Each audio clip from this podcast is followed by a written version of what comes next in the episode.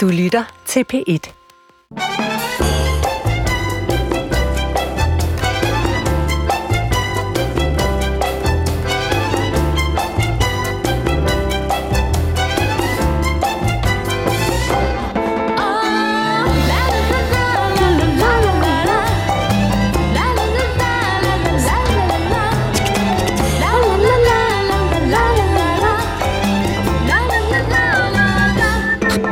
Ej, hvor er det godt. Jeg, jeg fik både smadret glas og alt muligt på vejen i studiet. Det må man sige. Ah, men for helvede. Det kører. Det er fredag, og det er uge 8, der ruller mod weekend. Og vinterferien er forbi for alle danskere. Det er både 7 og 8 jo. Og i tusindvis af stationcars, øh, der sidder der nu forbitrede danskere, i hvert fald for dem, der har været sydpå for at stå på ski. Fordi de har stået på græs. Hmm. Har I sikkert også Jeg var nordpå. Der var Og- masser af sne. Jamen det er jo det, men Masser sydpå helt af helvede til. Mm. Nå, men det skal gå alt sammen, skal det, for 4. division er hos dig derude de næste to timer. Og i dag er bemandingen ekstrem optur. Der er Golden Retriever far, fa, fanen. Yes. Det var det, jeg ville sige, hvis jeg kunne tale. Nynne Bjerg Christensen. Mm. Velkommen til, Nynne. Tak. Og kattedamen Anne Kortsen. Yes. Og mor til Ophelia, som er en handkat. Ja. Det skal vi ikke snakke så meget om. Nej. For vi skal snakke om, hvad vi skal have i programmet i dag på sådan en dejlig fredag. Gud ja. Øh, Ane, Ja. Jamen, øh, første time, der dykker jeg ned i en, øh, en trend, jeg har spottet, som hedder Dark Academia. Det lyder farligt. Det er både farligt og spændende, og øh, ja, det dykker vi ned i. Anden time. Anden time, der øh, faldt jeg over en meget spændende artikel i Weekendavisen, der hed Gal eller Genial, som handler om øh, skizofrenis øh, betydning for kreativitet. Ja. øh, autismens betydning for høj intelligens og øh, øh, maniodepressiv eller bipolar tilstand øh, betydning for, hvor fortagsomme vi er som mennesker. Et, faktisk en lidt mere positivt syn på nogle af de her psykiske sygdomme, som vi alle sammen er disponeret for, som vi alle sammen har i vores arvemasse.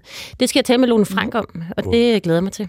Mm-hmm. Kanon. Mm. Nynne, hvad har du med? Jamen, øh, sidste uge snakkede I vi jo her i programmet om øh, Helsingør Stift, der havde købt sig ind hos nogle influencer for simpelthen at få dem til at døbe deres, øh, deres børn og få flere unge i kirken. Og det problem er også fremherskende i København. Det stift, der får allerfærrest børn døbt. Og øh, vi skal zoome lidt ind på, hvad man gør i Nordvest for at tiltrække de unge mm-hmm. til øh, knirken. Til knirken. Og øh, i anden time, der skal vi snakke om, at øh, en tysk forsker har fundet frem til ikke færre end 546 britiske ord for at være fuld. Øh, 546. Alligevel og 546 helt standard øh, vendinger om det at være øh, ham og lam, eller måske bare en lille smule beruset og bedukket. Tipsy. Ja. Mm. Øh, og, og vi skal ligesom tale en lille smule om, hvad er det ved britterne, der gør, at de har brug for 546 ord, Ah. for at beskrive den stemning, man kan komme i, når man drikker alkohol. Afslører du også, hvor mange danske ord, der er for det? Mm, ja, altså ja. Men, Okay. Fordi både og. Okay. Men det er en lang historie, Jesper. Vi Det tager vi, til det gør vi i hvert fald. Uh, jeg siger Love, Love Me Do og giver jer Danmarks bedste Beatles-fan, Arno, i anledning af et nyt kæmpe filmværk, der er på vej.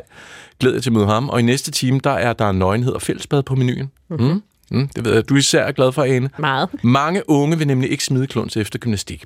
Men er alt ikke sagt om Beatles? Nej! Er det ikke ligesom 2. verdenskrig? Nu skal du til stille. Der kommer meget mere, og det bliver... Nej, det er det ikke. Og der er ikke, man kan ikke sige alt om 2. verdenskrig. Skal vi Nej, starte men den kan nu? man sige alt om Beatles? Det, men det, Det er det, det, det, det, er jo det, er jo det, Arno kommer og fortæller dig, ikke? Det er Nynne, slap af. Nu skal vi i gang. Ja. Kom.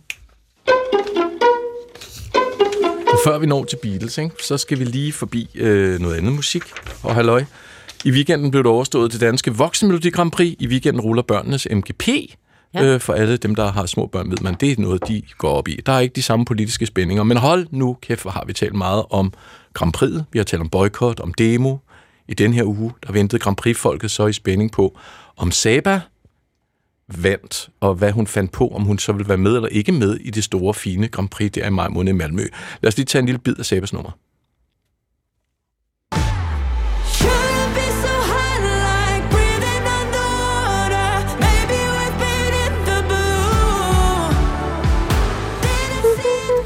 Da, da, Den er da. meget catchy. Men også meget Grand Prix, ikke? Jo, men det skal de Ja, ja, det skal det jo. Men det, ja. Ja. det, det interessante var jo så, øh, at der var demonstration, demonstrationer. Demonstranter foran DR, der protesterede, ville have til, til at boykotte en lang række danske kunstnere. Hanne Bol var der, der var Mø, der var Tessa, der var Anisette, skrev under på en opfordring til at tvinge Israel ud af konkurrencen. Øhm, og så var der det her med, om Saba så vil sige ja.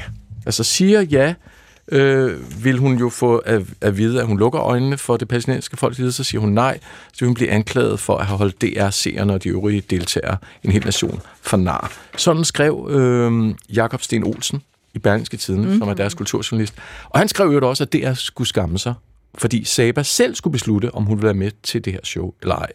Ja, det skulle DR beslutte. Det, skulle DR bes- ja, det, det mente han, at DR skulle, fordi øh, det, det, det skulle ikke overlades til musikerne, mente øh, Jakob Sten Olsen. DR gik så til modangreb og siger, at, øh, at Jakob Sten Olsens idé om, at DR skulle tage beslutningen for musikerne, er at umyndiggøre danske kunstnere og frarøve dem muligheden for at agere frit og selvstændigt, og han burde have mere tiltro til de danske kulturudøvere, at de kunne træffe deres egne beslutninger. Nå, I to, Ane og Nynne, der er altid ballade i den her Melodi Grand Prix butik, eller i hvert fald, det har der i hvert fald været den her uge. Det må man sige. Hvad tænker I? Der er ligesom lukket ned. Altså, nu skal vi videre til det internationale Grand Prix den 7. maj i Malmø. Skulle DR have besluttet, eller hvad tænker, tænker Altså, I om jeg, Jakob jeg er nok Olsen på? Jakob Sten, Team Sten, øh, Sten Olsen der. Altså, jeg synes, at det må være indlysende, når man melder sig til Grand Prix, når man skriver en sang til det, når man skriver en melodi, at man så siger, selvfølgelig er vi klar til at gå hele vejen. Og man ved jo godt, at der er politisk kontroversielle øh, lande med. Rusland har jo været der jo udelukket nu, men altså, det er jo en central beslutning. Det er altså... Jeg, jeg kan faktisk ikke rigtig forstå, at det er en diskussion. Så du siger, DR skulle have sagt, prøv at høre, drenge og piger, hvis I er med Jamen, her, så skal I også øh, stille op i maj. Jeg, jeg synes, det er helt ret indlysende, faktisk. Ja, men jeg synes, det er ærgerligt at, øh, at lægge det kæmpe store politiske øh, øh, altså ansvar, den kæmpe diskussion på en enkelt sangers øh, spinkle skuldre. Hun skal pludselig stå ene kvinde og beslutte sig for, hvad, hvad, altså, hvad skal være hele øh, DR's øh, holdning til, om man skal deltage i, øh, i Melodi Grand Prix eller ej. Det, det, det synes jeg slet ikke er fair. Altså, det må jo være sådan, at hvis du melder dig til Melodi Grand Prix som kunstner, mm. så er det fordi, at du er interesseret i at være med i konkurrencen, både i Danmark, og hvis du skulle være så heldig at gå videre. Men, øh, og ellers så skal du måske slet ikke stille op. Jeg men, tror lidt, det er sådan, det Nej, er. men er det, altså, altså, udgangspunktet er vel også fra deres side. Selvfølgelig deltager vi. Er det ikke hende selv, der som individuel kunstner, som jo. selv kaster grus i maskineriet og siger, jeg er faktisk i tvivl, om jeg vil? Jo, det, det jeg, jeg da godt siger, undre de vil ikke tvinge nogen, det skal, kan man vel så heller ikke, men, men, øh, men, Men- men ligesom den løsning, der er nu, eller den, den, den kommunikation, der er nu, er bare øh, mærkelig, synes jeg. Altså, jeg synes ikke rigtigt, det giver nogen mening at sige, øh, hvis de vil, så er det fint, og hvis de ikke vil, så er det også fint. Men prøv at vente den rundt en gang, Ane. Og i øvrigt så hedder hun Saba, har lige fået ved at høre i hovedtelefonerne af vores øh, producer mm. Gustav. Så vi skal sige Saba. Mm. Nå, men prøv at vente den rundt en gang, fordi det, kan, det lyder meget smukt det der med, selvfølgelig når man siger A, må man også sige B. Og det, altså, men der er jo ikke nogen, der rigtig kan forudsige, hvordan... Jo, det kan man Nå, men godt. prøv at høre. Hvis nu vi legede, at DR havde sagt, hvis du siger ja, Nøne, til at optræde med din sang Golden Retrievers Unite, øhm, så skal Nå, du også optræde... Jeg ved, den. jeg ved, at den, den bliver fed i øvrigt. øhm, så skal du også møde op i Malmø. Så sker der det, at øh, Sydafrika jo har jo indklaget øh, Israels foretrædelse af menneskerettighederne og folkedrab og alt det her. Så sker der en skærpelse, og der sker alt muligt bøvl og bagl, som gør, at nu begynder du at få tvivl øh, omkring Nå, men din altså, deltagelse, og så, skal, så, så siger det hvad? Hvordan skulle de tvinge dig til at gå med? Altså, så skal du sige fra. Jeg, jeg synes bare lidt, det må være sådan en omstændighed ved, at man melder sig til Grand Prix, at man siger, at vi selvfølgelig også er i stand til at absorbere en eller anden grad af politisk uenighed, som der må være mellem nationer på tværs. Mm. Altså, så er det jo en anden diskussion, om Euro- Eurovision vil udelukke Israel, ligesom det udelukkede Rusland. Det synes mm. jeg skal, skal ske centralt. Men, men som udgangspunkt synes jeg, det er mærkeligt, at, der er en, at kunstnere begynder at slå op i banen nu og sige, nu, fordi der er sket en hel masse. Der er jo ikke sket særlig meget det sidste halve år. Altså, fra, altså oktober var jo ligesom den store Mm. ting, og det store angreb, så har der været en krig, som selvfølgelig er fortsat, men, men det er jo ikke fordi, der er noget, der udviklet sig inden for den sidste uge eller to i en eller anden ekstrem retning, Nej. eller anderledes retning. De har hele tiden vidst, at der var en konflikt. Men kunne du ikke forestille dig, at der så ville være en overskrift, hvis det var tilfældet, at DR havde bestemt, ikke? At der så sagde, Saba har fortrudt, men DR tvinger hende. Ja, ikke? nej, det og så pludselig har vi alt muligt ballade der. Selvfølgelig, det er kan man træk, svært selvfølgelig skal man rigtigt. kunne trække sig, Ja. ja. det, og det synes jeg er i orden, men, men, øh, men jeg synes som udgangspunkt må det altså være, være øh, ja, det må være udgangspunktet. at Der, der er bare heller ikke nogen, der er virkelig ikke nogen nemme øh, løsninger og nogen sort-hvide klare svar. Men man kan sige, der hvor det er endt nu, mm. hvor det pludselig er op til en enkelt øh, deltager at beslutte på, på vegne af DR og nationen, når mm. man skal deltage, det synes jeg er uheldigt. Det synes jeg ikke er den bedste løsning. Men vi sejler videre mod Malmø Ja. den 7. maj, Og det gør vi, for det kom jo også her i øh, nat, i morges, tror jeg mm. det var, blev det afsløret. Der er endnu mere bøvl på vej. Mm. Ja. Ja, ja, det, den bliver ikke bilagt. Og I har den også foran jer. Øh, teksten til Israels sang til Melodi Grand Prix er afsløret. Den hedder October Rain. Mm. Så tænker du, sagde også lige oktobernønne, hmm, har det må noget med angrebet den 7. oktober at gøre?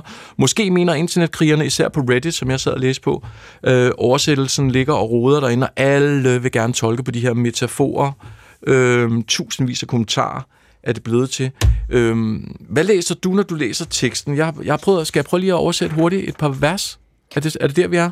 ja, altså man kan sige, øh, de aller, to allerførste linjer, Historiens forfattere står på min side. Ja. Kig mig ind i øjnene og se. Folk kan gå, men aldrig skilles. Nogen tog månen i aften. Tog mit lys. Alt er sort og hvidt. Hvem er den idiot, der fortalte dig, at drenge ikke græder? Og så fortsætter den derudad. Mm. Og så står der på et tidspunkt, jeg er stadigvæk våd efter Oktobers regn. oktobers regn.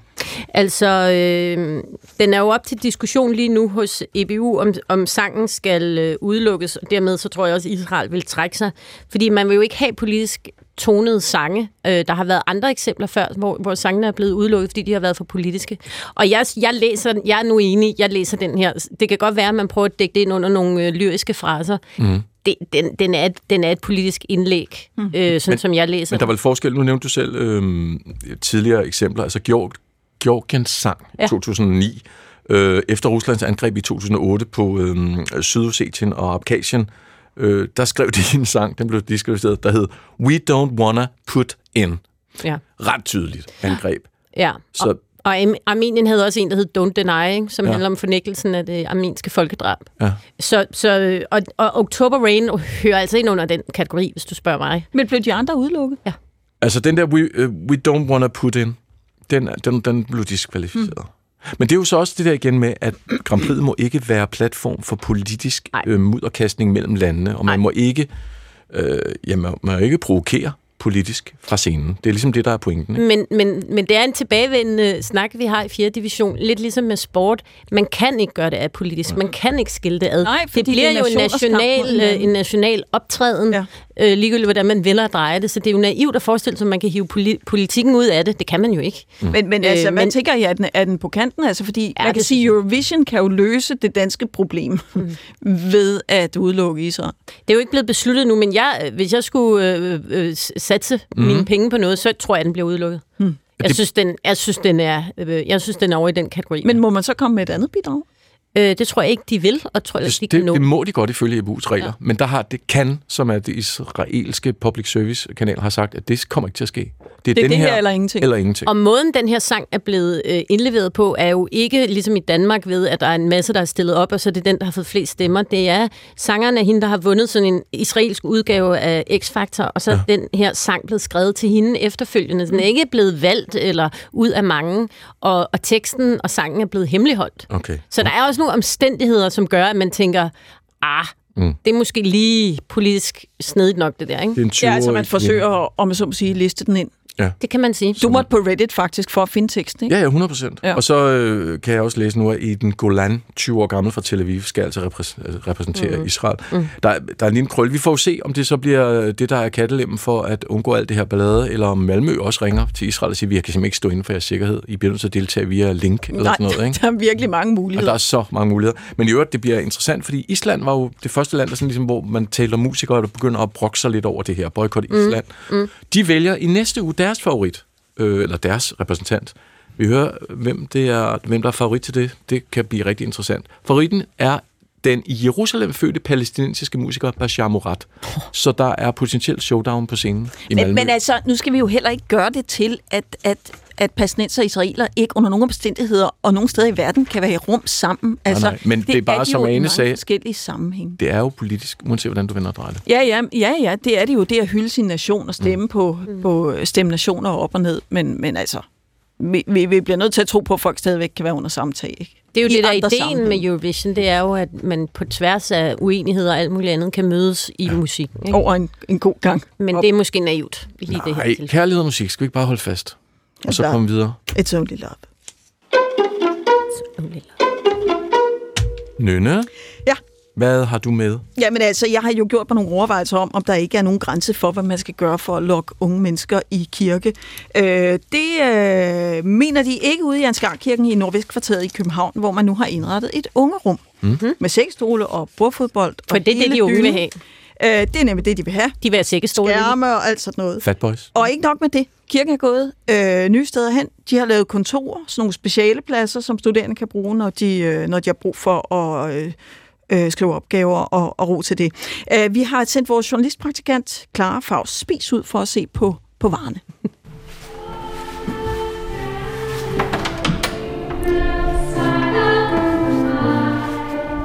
Ja, nu er jeg kommet ind i det her ungerum, og min første umiddelbare tanke er, at øh, det minder mig mest om at være på et fritidshjem. Der er helt lille vægge, og så er der en stor lyserød paljetlampe, og så er der et stort tv og en sofa og fatboys. Og om her bag ved sofaen og Playstation, så finder jeg bordfodbold. Jeg tror ikke umiddelbart, at jeg selv vil hive mine venner med i kirken for at slinge mig i fatboys Efter man er gået op af kirkens trapper op til øverste etage, så kommer man ind til det rum, hvor at specialepladserne er. Og herinde i kvistværelset, der er der fem kontorstole, et træskrivebord, der følger som en hestesko rundt med alle væggene. Det er lidt som at være placeret i skammekrogen. Det er jo spændende at se, om der ender med at komme nogen. Ja, altså i sidste uge, der talte vi jo også, som jeg nævnte om indledningsvis, om, at Helsingør Stift havde indgået et samarbejde med influencer for at, øh, at få flere unge i kirken. Men lad os lige få en lille smule kontekst, bare lige et par, par tal. Gennemsnitligt er der 56 procent af danskerne, der bliver døbt. Det blev det i hvert fald i 2022, men det dækker over enorme lokale forskelle. Mm. Der er 72 procent, der bliver døbt i Viborg Stift, men i København, øh, der er der altså kun 35,9 Hold da op. procent, der bliver døbt, og i øvrigt er Helsingør Stift, øh, og ligger, de er også øh, meget lavt. Og det vil sige, hvis man er Københavns Kirke i dag, så har man et problem, hvis man gerne vil have den indflydelse i samfundet, som man har i dag, og hvis man gerne vil have adgang til, øh, til de unge. Så, øh, så det, vi skal tale om, det er, øh, virker det så? Altså, der er klare, øh, var derude, var der, var der kun øh, børn og ikke nogen unge. Vi har fået besøg af Mikkel Gabriel Christoffersen. Velkommen til Tusind tak. adjunkt i praktisk teologi til Teologisk Fakultet på, på Københavns Universitet. Du forsker blandt andet i, hvordan kirken øh, har været og er i samspil med civile organisationer øh, på, på tværs af, af, af generationerne. Mikkel, hvordan vil du beskrive sådan de københavnske kirkers udfordring i forhold til de unge i dag? Jamen, det er klart, at øh, hvis man kigger rundt på københavnske kirker, så har øh, de københavnske kirker den opgave, som de københavnske kirker sådan set altid har haft, og alle andre, alle andre også har haft, nemlig at prøve at finde en eller anden måde at være i dialog, finde nogle aktiviteter og nogle former, som gør det attraktivt at være, øh, at være en del af kirken. Øh, når man har fået sit barn døbt, eller når man er blevet døbt, så har kirken også en interesse i at prøve at se, at, at se hvordan man kan, øh, altså ikke bare forlade dem, indtil de bliver konfirmeret, og så igen forlade dem, indtil de bliver øh, skavis og, og, og får nogle børn. Øh, der er et kæmpe rum der, hvor ja. at, øh, der er mange aktiviteter i gang, ikke? og det her det er så et eksempel på en af de aktiviteter. Men kan du ikke lige prøve at give os et kort ris over, hvor det ligesom er skrevet de sidste 30-40 år i koblingen mellem børn, unge og, øh, og kirken? Fordi vi er jo et helt andet sted, end vi var i 60'erne for eksempel. Ja, fuldstændig. Altså det, man skal, hvis man tager det lange lys på, så kan man sige, så har skole og kirke, og det vil sige børn og kirke, været meget tæt knyttet sammen. Ja. Altså det har sådan set været, været ki- kirken, der har stået for skolen, ikke også, hvis man går langt tilbage. Ja, det var dejen, der underviste. Ja, det er dig, der underviser, ikke? Øh, og så kommer vi i en situation, hvor de ting bliver sådan separeret ud, øh, og i 60'erne især får man øh, øh, en ny skolelov, nej, 70'erne øh, får vi en ny skolelov, som betyder, at, øh, at øh, nu skal øh, skolen ikke længere undervise forkyndende. Øh, skolen skal derimod undervise i en viden, nemlig en viden om kristendom og også om andre religioner. Og den, øh, det, det er jo sådan første skud, kan man sige, eller første Altså får vi sted, religion, hvor- så hedder det ikke kristendom mere. Ja, det hedder faktisk stadig kristendom. Mm. gjorde det, da jeg var barn. Men, ja, det gør det stadigvæk, men, øh, men øh, skal sige, pensum udvides til også at dreje sig om andre religioner, og også nogle andre måder at, øh, at beskæftige sig med, med stoffet på. Og så kan man sige, at ved siden af det her med folkekirken og skolen, eller kirken som institution, så har vi jo haft en lang historie for øh, kirkelige børne- og ungdomsorganisationer. Altså helt til det er 150 år siden, at KFM og KFK startede ja. i, i Danmark, øh, som en, har været en meget stor organisation øh, op igennem øh, første halvdel af det 20. århundrede. FDF er, har været en stor organisation, vi har kirkelige, vi har søndagsskoler, vi har Indre Missions Ungdommer. Altså, der har været store øh, civilsamfundsorganisationer, eller kirkelige organisationer, som har trukket et stort læs også i forhold til at, at få, øh, ja, få lavet en Få forbindelse mellem ungdom. kirke og ungdom. Ikke? Ja. ja. præcis. Men hvor er vi så henne i dag? ja nu er vi sådan Ja, der er jo spaghetti-gudstjenester, og hvad, hvad, hvad gør man i dag? Jamen lige præcis. Altså efterhånden som, at de her organisationer også er blevet lidt mindre, de lever stadig derude, men de er blevet lidt mindre, og øh, efterhånden som skolen har trukket sig tilbage fra det her, jamen, så har kirken også selv taget ansvar for at sige, at nu skal vi finde på nogle aktiviteter. Man har haft konfirmationen, og man har haft dåben, og derimellem så har man så fundet på jo babysalmsang som tilbud ikke, til de helt små. Vi har minikonfirmander nu. Der er masser af børnegudstjenester derude, øh, og spaghettigudstjenesten er jo et eksempel på en, en børnegudstjeneste, hvor, det er, hvor man både gør noget for børnene og for de voksne. Man gør nemlig det for børnene, at man giver dem en lille gudstjeneste, som er på deres præmisser, og så giver man de voksne aftensmad, ikke? Altså sørge for lige at, slappe af. at skulle slappe af med madplanen den, øh, den dag der.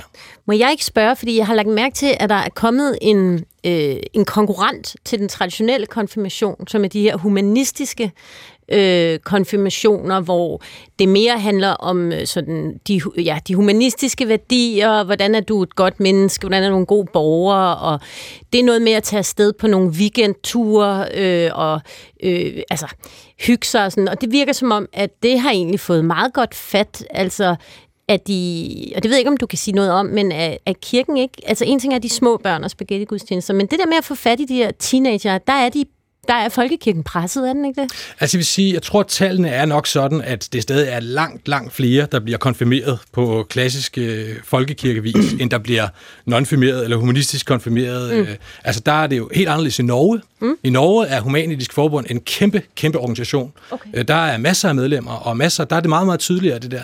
Øh, hvor i folkekirken, der er det på en eller anden måde lykkedes øh, at altså lykkedes for så vidt som øh, fra folkekirkens perspektiv, ikke lykkedes at, at få skabt, fastholdt en forbindelse mellem folk og kirke, sådan så at sekulariseringen, som der selvfølgelig har været i forhold til folks tro og i forhold til folks kirkelige praksis, at den har ikke betydet særlig meget i forhold til øh, forbindelsen til de kirkelige handlinger. Okay. Så der er altså langt, langt færre, Men vi der- har der stadigvæk af færre, der der. bliver konfirmeret, fordi jeg har Det har- tallene her. Ja, Øh, rigtigt. 5.000 øh, 50.000 cirka blev konfirmeret i 2007, 44.000 i 2023, så ja. det, er, det er svagt dallende hen over årene, men der er dog færre, der bliver øh, konfirmeret. Men altså... Øh, Virker det så det her med specialepladser og fritidshjem i, i kirken? Synes du også, der er en grænse for, hvor langt man kan gå om at sige, at det her har ikke nogen kirkelig relevans?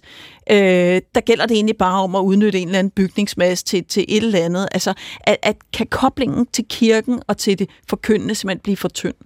Ja, det synes jeg kan vendes to veje, det der. Altså fra et, øh, fra et perspektiv, så kan man sige, så er, er forbindelsen fra specialpladsen til det kristne evangelium tynd. Det, det, er, Ja, altså, tynd- medmindre det kun er teologi, der var siddet der, det ved vi selvfølgelig. Ja, det er det. det er noget med ro og fordybelse. Det kan man Ikke? sige. Ikke? Åh, men altså. Ja, ja. Øh, øh, på den anden side, så kan man sige, øh, her har vi at gøre med en kirke, som forsøger at tage bestik af den situation, kirken er i, øh, nemlig at være et sovn, hvor der er øh, over, altså flere unge og flere studerende, både øh, børn, det der fritidshjemslinjen er jo for børn faktisk, ikke? Det er op til 9. klasse skolebørn, det er et tilbud for. Og så specialepladserne er for, for studerende. Og så siger man, hvem er det, der bor i vores sovn? Øh, der er nogle børn og unge, som også er medlemmer af Folkekirken, og de skal jo måske også have nogle aktiviteter, som er målrettet dem. Så, så jeg ser det egentlig mere som et, ja, eller som et udtryk for at prøve at, at skabe nogle aktiviteter, også for de medlemmer, der er der i forvejen, mm. øh, og som skal have mulighed for at bruge kirken øh, på, på, på, på de præmisser, som de nu har. Og om det lykkes, øh, om det skaber nogen forbindelse, det er øh, jo selvfølgelig fuldstændig uklart. Men, øh, men det er et bud, og så må menighedsrådet øh, justere til eller justere ind, hvis de har den her vision om at prøve at være noget mere for de børn, for mm. børn og unge. Men når man kigger ud over øh, mediebilledet og kigger på, på de unges idoler, nu ved jeg ikke lige om Remy stadigvæk er et idol for de unge, men det, folk taler mere og mere om det at tro Remy. Det er så Hillsong, jeg tror, han er interesseret i. Ja, Men Kasper med- Christensen, tror jeg. Christensen, ja, ja, går også op i, i, i tro. Øh, Så, så der, er sådan, der er sådan en bevægelse. Det kan vel også handle om, at den danske folkekirke simpelthen mangler øh, en, et nyt reklamebureau, ikke? altså en ny branding, fordi det simpelthen er de bliver jo konfirmeret, mine børn blev konfirmeret, den ene måske mere end den anden, fordi de troede, men, men, men mere fordi det gjorde alle andre, de skulle have den der fest, ikke? Og så har de ellers ikke set kirken siden. Altså, at der skal ske noget. Der, det der protestantiske, støvede, kedelige bøvl, og så putter vi en sækkestol ind, og så laver vi et bordfodbold. Det er også sådan lidt, det er sgu lidt fesen. Der skal Ja, en ny branding af folkekirken til. Mm. Hvad, hvad siger du til det, Mikkel? Altså, Altså, vi, skal, vi bliver nødt til at ligesom op, op, deres game, hvis de skal fange de unge, for de har lugtet lunden. Ja, det er jo, en, det er jo et konkrete, kan man sige, forskellige kirker forsøger sig med konkrete ting. Ja. I, øh, der findes jo også forskellige, meget mere sådan omfattende øh, initiativer.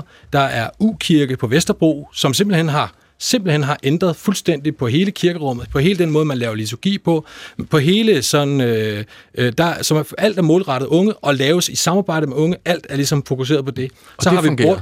Ja, det har- tiltrækker jo nogen, ja. det gør det helt sikkert. Ja. Så har vi Brorsens Kirke på Nørrebro, som øh, har været børne- og ungdomskirke i mange år, og som har eksperimenteret med en hel række forskellige øh, gudstjenesteformer. Mm. Så det er derfra, vi kender rockgudstjenesten, og ja. vi har også rytmisk musik i højmessen der. Øh, vi har Churchill, som de kaldte det, ikke? som er sådan elektronisk musik, og har inspirerer natkirken af den slags. Så der er jo ting i gang øh, forskellige steder. Der Men, men det er også jo- hårdt tiltrængt med den dåbsprocent, der er i København. det kan man sige, og der er jo nok øh, spørgsmålet af, hvad, øh, og det der med at gå efter dåbsforældre, som skal, eller forældre, som skal have deres børn døbt, er måske noget andet end det med at fokusere på øh, unge, som lige er startet på deres uddannelse. Folk er jo i gang med forskellige livsfaser på forskellige tidspunkter. Præcis. Altså, jeg vil... Jeg, jeg er faktisk lidt uenig med Jesper, det der med, at de skal have et reklamebureau, og de skal rebrandes. Det har man sagt i så mange år. Mm. Og, og det, jeg tror slet ikke, det er den vej, øh, man skal gå. Jeg tror, man skal holde fast i de kvaliteter, der er i folkekirken, som er stabilitet, kvalitet, ro, fordybelse, øh, Fællesskab. vejledning. Altså, du kan jo gå til din lokale præst og blive, øh, øh, altså, at få, at få en, en, det, der svarer til en psykologtime, ikke? Altså, de er jo sjælesørgere. Sørgere. altså, så hvis, for mig at se, hvis Folkekirken prøvede egentlig at fortælle om noget af det, som de har tappet ind i i, i hundredvis af år, så ville det være ægte attraktivt for de unge, fordi sækkestole og øh, specialrum, alt muligt, det kan de få alle mulige andre steder. Jeg synes jo, at kirken, en dygtig præst og en fantastisk gudstjeneste, kan give noget, som vi sådan savner, og som jeg tror især de unge savner. Mm. Øh, Jeg er meget enig med dig, Ane, og jeg tror faktisk, hvis kirken sidder stille længe nok, så bliver det afsindigt attraktivt, det der med mellem 10 og 11 at kunne gå ind og skulle slukke sin telefon og have et fællesskab med andre mennesker ja. øh, og synge sammen. Ja, og Øh, høre noget vidunderlig orgelmusik. Absolut. Og, altså, der er jo bare nogle, der er nogle kvaliteter, der er fuldstændig gratis. Men Ane, samtidig har vi jo en meget individualiseret... ja, men, kirketander. nej, nej, nej, men altså, det, det, er jo, det er jo teori det her, fordi det er jo ikke sådan, det virker. Vi kan jo se tallene Ja. gå ned. Men, men, øh, men vi- samtidig har vi sådan individ, et individdrevet samfund, hvor det her slet ikke passer ind. Så det er jo nogle modsatrettede... Øh, Hvad, hvad siger Mikkel? Ja. Nå, men det fascinerer mig, fordi her har vi jo to øh, modsatrettede bevægelser, og det vi kan se, når vi kigger på det kirkelige landskab derude, det er, at der er folk, der gør det, som I vil have, og der er folk, der gør det, som du vil have, ikke? som simpelthen trækker det i forskellige retninger. Mm-hmm. Øh, kirkerne, markedet er pluraliseret, eller markedet, hvad synes jeg, det kirkelige landskab er enormt pluraliseret.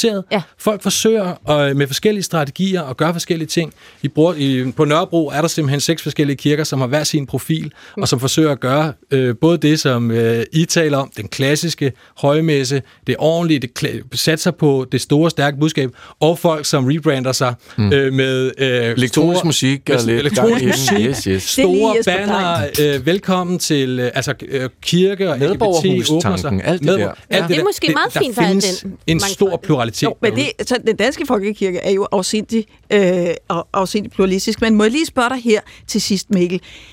Skal vi opfatte det her som et nyt missionstiltag? Altså en studieplads. Værsgo, du har en studieplads. Så skal du også lige, vi sætter også gerne lige øh, kl. 10 øh, på søndag nede i kirken. Altså helt konkret, så er det ikke et uh, missionstiltag, det er et noget for noget tiltag. Altså studiepladsen er betinget af, at man møder op til nogle, øh, til, lægger et frivilligt Ja, engagement. det er rigtigt. Man skal give den op med. Man skal give den op med. Det er jo fint. Og det er første omgang det, så det vil sige, det jeg får øje på mest, det er at sige, her er en kirke, som også gerne vil engagere nogle frivillige til at lave nogle af de aktiviteter, de har. Hvis de kan få nogle frivillige til at hjælpe med, det var en tøjindsamling eller tøjbytte arrangement, som de mm. gerne vil, øh, som de nævnte som eksempel, så har de måske en, en ung profil på det, og kan øh, igennem det arrangement engagement øh, måske øh, åbne sig og få solgt noget andet tøj, eller bytte noget andet tøj, end de ville kunne, hvis det var øh, kirketanter, der, øh, Du, der hvorfor peger stiller du på mig, når du er Jeg synes, det er så fedt at Jeg ikke møde kalde dig. Peg på anen. Jeg er kirketjek, hvis jeg er Men, noget. Sådan. men, men Mikkel, ser du det som... Altså, ja, man kunne godt aflæse det her som udtryk for, at kirkens budskab i dag er for svagt. Altså, det, det, det går ikke øh, rent ind hos de unge i modsætning til, hvad Anna og jeg sidder her og Det er prædiker. det, jeg siger. Det skal brandes. Nej, det skal Nej. ikke brandes. Jo, det skal kirken, løftes. Kirken er for slap. Det kan jo være en anden mulighed. Det kan være, at kirken er for slap. Det kan også være, at vi står, sociologisk set, står i en situation, hvor at der er meget, meget store øh, bevægelser mm. på spil. Ja. I nævner selv individu- individualiseringen. I nævner selv, øh, eller jeg måske nævnte sekularisering, mm. ikke også? Som store bevægelser. Og, og, og det er jo sådan de der megatrends, der er, ikke også? Ja. I forhold til, hvad folkekirken kan gøre i, altså ind i det, så forsøger man noget, mm. men man er nok også øh, må overlade tingene til vor herre i, i et vis udstrækning Ja. for at Lige akkurat der. Det, det, det, var en god, det var en god slutning. Ja, det var det perfekt. Vi må overlade det til vi har jo Gud. slet ikke nævnt religiøse pluralisme, men det er selvfølgelig også en af megatrends. Mikkel Gabriel Christoffersen, tak fordi du havde lyst til at være med os, altså adjunkt på det teologiske fakultet. det var en fornøjelse. Mm. Tak. Sikke en hissig diskussion, Ej, du kunne få Bjerg Christensen havde taget den historie med. Anne Korsen sidder også klar. Og så hedder jeg Jesper Dein. Og jeg har den næste historie, og den glæder jeg mig meget til. Here comes the sun. Here comes the sun. I say it's alright. Ja, den er god. Så mærker du forsolen, ikke? George Harrison synger og har skrevet nummeret. Ej, det er et dejligt nummer, faktisk. Det er et fedt nummer. kongenummer. Det havde jeg brug for at høre. Ane, at du, øh, når vi taler Beatles, Ja. er du så hot eller not? Jeg er, jeg er ked af at sige det, mens Arno kigger på mig, men jeg er lidt not. Bortset fra, at jeg faktisk godt lige præcis kunne høre lige den her sang. Det var da godt, jeg tog den med. Altså, jeg kan jo godt, de er, det er jo Ja, fremragende. Men, Det er bare men, lidt men ligesom jeg, 2. verdenskrig, træt at høre om. jeg, jeg, er, jeg er vokset op med Beatles, så jeg er sådan, jeg, jeg synes godt, vi kan bevæge os lidt videre. Okay. Sådan jeg det. Ja. Det finder vi desværre. af. Jeg er også til? Team Ane her. Lidt lunken. Altså, jeg synes heller ikke, det er mange valgmuligheder, hot eller not. Det er jo uomtvisteligt fa- fantastisk band og fantastisk musik, men det er ikke sådan, at jeg har noget behov for at gå ind og se fire spillefilm. Nej. Det kan jeg allerede nu røbe. Det kan du. Og det, og det for vi taler om Beatles. For hvad skal vi dog tale mere om Beatles om, som I siger? Øhm, det skal vi, fordi udover deres egne film, de lavede film, musikfilm, Hard Day's Night, Help, Magical Mystery Tour, Yellow Submarine osv., der er der blevet lavet 19 dokumentarer, Ane. Der er lavet øh, 18-19 spillefilm og tv-serier, alt efter hvor mange man tæller med. Og uanset om man er eller ikke er Beatlemaniac, så er de jo boybandet, der begyndte det hele. Ja, ja, det er de vel. Og hvis man elskede Beatles, øh, men synes, at øh, den der, der blev lavet en dokumentarfilm, og nogle af jer, der så den, det var Jeg blev 8, tvunget til at se den meget 8 8 timer. timer. Hvem tvang dig? Det gjorde min mand.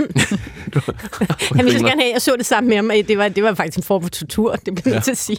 Den var meget, meget tung. Øhm, sige. så kommer der godt nyt til jer, der ikke gider øh, 8 timer. Sony fortalte dem tirsdag aften, at man sammen med et øh, produktionsselskab har købt og fået rettighederne til at fortælle de fire bandmedlemmers livshistorie i en spilfilm. Øhm, de har simpelthen sat øh, Sam Mendes, instruktøren, ja, det er ham med øh, Oscar-vinderen American Beauty og 1917 og Skyfall, Bond-filmen. Han skal lave fire film, hvor hver film centrerer sig om et medlem i gruppen, og det er første gang nogensinde, at øh, ejeren har solgt rettigheden til livshistorien her, øh, til Beatles-folkets livshistorie. Og Arno, som du lige nævnte, øh, Ane, mm. han står ved siden af dig, han hedder Gusek. Hej Arne. Arno. Jo, hej. Den ultimative Beatles-fan, det kalder jeg dig. Du er formand for Beatles-fanklubben Beatles Again, og du har netop, jeg ved, du har haft travlt, du er faktisk, jeg ved ikke, om du er blevet helt færdig, men nummer 200 af jeres 30 sider lange Beatles-blad. Det er jubilæumsmodellen, skulle jeg til at sige. Hold op. Jubilæumsnummer. Ja. Skide godt, Arno. Hvordan kan det være, lad os lige starte der. Du er jo fan, det har jeg sagt. Hvordan kan det være, fortæl Ane og Nøne, hvordan kan vi blive ved med at være interesseret i Beatles? Ja, det er fordi, der er penge i det. Nej, okay, det var et Tak, diplomatisk Anders. svar. Sådan er det jo med alle varer. Det er rigtigt. Der er penge i det. Hvem betaler for det? Ja, det gør du og jeg jo. Jeg gør vel forhåbentlig ikke. Jo, du går jo til købmanden, og så bliver det spillet i, over lydanlægget i forretningen, og så betaler du noget til, for varerne, og Ah, okay, så den måde. streamer du, og så gør du det ene og det andet. Ja. Men Arno, selve gruppen, hvor, hvordan kan det være, at vi bliver ved med at blive fascineret? Det kan godt være, at Ane og Nønne ikke helt er med, men altså, vi andre måske alligevel åbner for de der fire film, der kommer. Hvorfor tror du, vi er så interessant? Hvorfor er det så interessant? Ja, det er, fordi det er godt, og- det er fordi, at der har været så mange musikere, der stadigvæk i, i nu to generationer kommer og fortæller, at det var deres inspiration. Mm-hmm. Så der er jo en masse af, af nutidens musikere, der, der har fået det ind med, mm. med modermælken. Og nu får vi altså, som jeg sagde der i begyndelsen, Arno, øh, point of view, kalder man det jo, øh, fra hver af de her fire bitler. Øh, og jeg tænkte, at du måske lige kunne tage os hurtigt igennem dem og beskrive rollen i det store Beatles-show. Øh, hvis vi skal beskrive de her bitler, point of view, hvad de var, øh, hvor skal vi begynde hen? Hvem skal vi starte med? Ah, det må være med ham, der startede bandet. John Lennon, som lavede skoleband, der hed The Quarrymen. Og hvad, hvad, hvad, hvad karakteriserer ham som person? Ja, han, han, øh, han kom jo i gang med livet med en skilsmisse mellem hans forældre og moren, der ikke ville have ham. Og, og så boede han hos sin moster, og det er jo ikke ligefrem den bedste opvækst, og så oplever han, at, at hans mor blev kørt ned af en fuld politibetjent. Nå. Og øh, det gør det jo heller ikke mere spændende. Så Altså, jeg er allerede mere interesseret i den der spillefilm, end jeg havde Ja. troet, jeg ville Ja. være. Hvad bringer han til fadet i gruppen? Altså nu det her, Sam Mendes kommer til at skulle lave en Ja. film, hvor han ligesom fra deres perspektiv kigger ind i gruppen. Hvad er, hvad er det, han ser, når han kigger ind i gruppen? Og, og John han starter jo med at, at lære at spille banjo af mor, mens hun stadigvæk var i live der. Ja. Og han er, er jo det, han er virkelig ramt af det her øh, sorg, han har haft. Så der vil jo komme, komme øh, det tab, det vil komme ind som en, en stor pind. Mm. Og så finder han jo på at, at, at lave det her skoleorkester, og kommer i gang, og, og øh, får Paul ind, får George ind, får Ringo ind. Og det, Er resten af historien lige ved? og resten, det er, jo, det er jo så historie. Og så bliver han jo så skilt fra den første kone, og så, så får han Yoko på banen i stedet for, og der bliver han jo øh, meget mere revolutionær, laver sangen Revolution, optræder nøgen på, på, på pladecover og, og fuldstændig ligeglad med det i 68. Det er jo ikke lige, lige frem det. Men der, der, der bliver han jo så meget mere provokerende og, og for så også filmenes øh, og sang, ja. Give Peace a Chance og Imagine. Så Men Arno, lad os, hoppe, lad bare, lad os hoppe, fordi det, det, der er så meget at fortælle om ja. alle de der. Øh, Paul McCartney. Han må være nummer to, så ikke? Han er nummer to. Han kommer så ind, hvor de tilfældigvis møder hinanden i 57. Hvad er han som person og type? Jamen, han er jo så er det, det modsatte. Jeg synes jo, han er... Jeg vil ikke sige, at han er på speed hele livet, men, men han har jo lavet alt muligt. U- utrolig mange sange. Utrolig mange slags musik. Klassisk musik. Ballet. Musik. Børnemusik. Børnebøger. Der, film til børn. Eksperimenterende musik. Stockhausen kan gå hjem og lægge sig, og, og jeg ved ikke hvad. Altså, der, er- der, der, på mig virker han som, altså, han kan ikke få nok til at prøve alt mellem himmel og jord. Hvor lærer han, øh, hvor, hvor får han sin, sin musikalske evner fra? Det får han fra farmand, som, mm. som havde et, et, et band i 20'erne. Skal vi kravle til George Harrison, som vi lige hørte? Det må være den tredje mand, der hopper ind i bandet, Han ikke? kommer så ind et, et halvt års tid senere i 58. Hvad er han for en type? Jamen, han, er, han blev så den indadvendte type, den mere reserverede, som, som, øh, som ikke bare... Øh, nej, la, nej lad, os, lad os op hen og sige, ja, han, øh, han, er den, han er den unge, han er to år yngre mm. End John Lennon, så, så det er lillebror, der kommer ind, og han spiller med som er 15-årig, og øh, oplever at blive smidt hjem fra Hamburg, hvor de er nede og spille i, i, i, i 60, fordi han er under 18. Okay. Og øh, de, ser, de ser ned på, om det er John og George, nej, John og Paul, der laver sangene. Og gennem, gennem Beatles-karrieren, der, der får George ikke rigtig lov til at, at lave nogen. Han får lov til at lave en enkelt eller to sang, og så er der altså bare samlet til bunke. Mm. Hvor, hvor vi så sidst i filmen, de her fi, George-filmen, Ja. formentlig vil, vil, vil opleve det. Og der, er så- det er også, jeg tænker også, det er også en af dem, der ryger øh, mest tjal. Det er en af dem, der har været mest i Indien, ham her, ikke? Jo, Ja. Hvis vi lige tager Ringo, den lille frække fyr på trommer, Ja. som jeg altid griner lidt af, Han er jo lidt den mest, øh, kan man sige, gådefulde. og kikset også. Ja, han er sådan lidt klovnen i bandet, mm. Der godt kan lide at komme op, øh, hvor han sidder bagerst på trommerne, og så får lov til at stå og synge i en mikrofon. Det, det synes han om. Han er skuespiller og har været med i ganske mange film. Mm. Han har prøvet at komponere sange. Det går ikke så godt, men øh, de, de kommer, der, kommer der i hus. Men mm. han, er, han er Han var også han var syg som, som barn, ind og ud af hospitalet hele tiden. Og der lærte han så at spille trommer, og han havde også fraskilte forældre. Men øh, han, øh, han gør, hvad han bliver bedt om, og øh, når han bliver bedt om at spille på det her nummer, så gør han det, og så holder han ellers sin kæft, og så sidder han i hjørnet i studiet og venter på, at det bliver hans tur. Mm. Ikke så meget pjat med ham. Er der en hel film?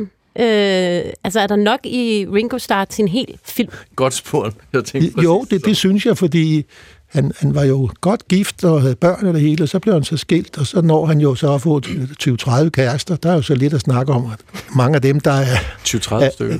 er, er, er filmfolk øh, og musikere, og øh, så begynder han, og øh, også alt hans misbrug, mm. der går han jo hen, og så skifter han helt stil, og så bliver det Pepsi Cola, og så har han været clean siden 89, har øh, en, en, øh, haft en gevaldig masse bands, som Greatest Hits All-Star Band, hvor han dels lever på starret for hans efternavn, mm. og så er det andre stjerner, det, store musikere, som han fortsat turnerer med her, ja, 35 år senere, ikke?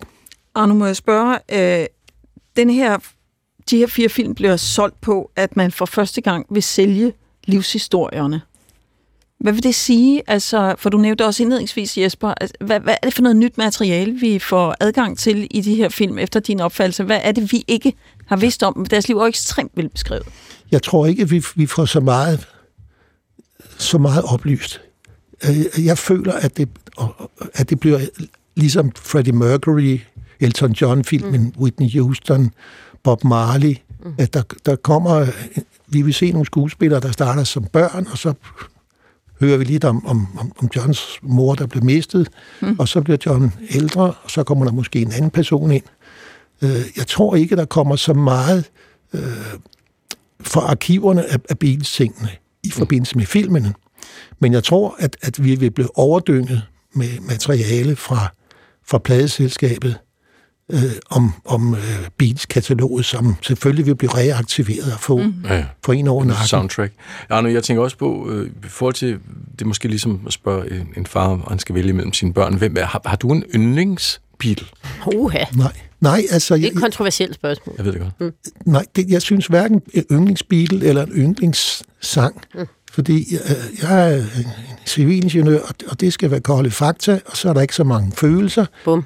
Og, og, og det næste, det er jo, at, at, at ved at jeg vokser op med dem, så er det jo forskellige input i, i livet, jeg har haft, hvor, hvor øh, noget er man glad, noget er man ked af det, noget er man fascineret af, af, af Here Comes the Sun, hmm. og så kan alt det andet måske være noget bras. Så det, det, det er svært at...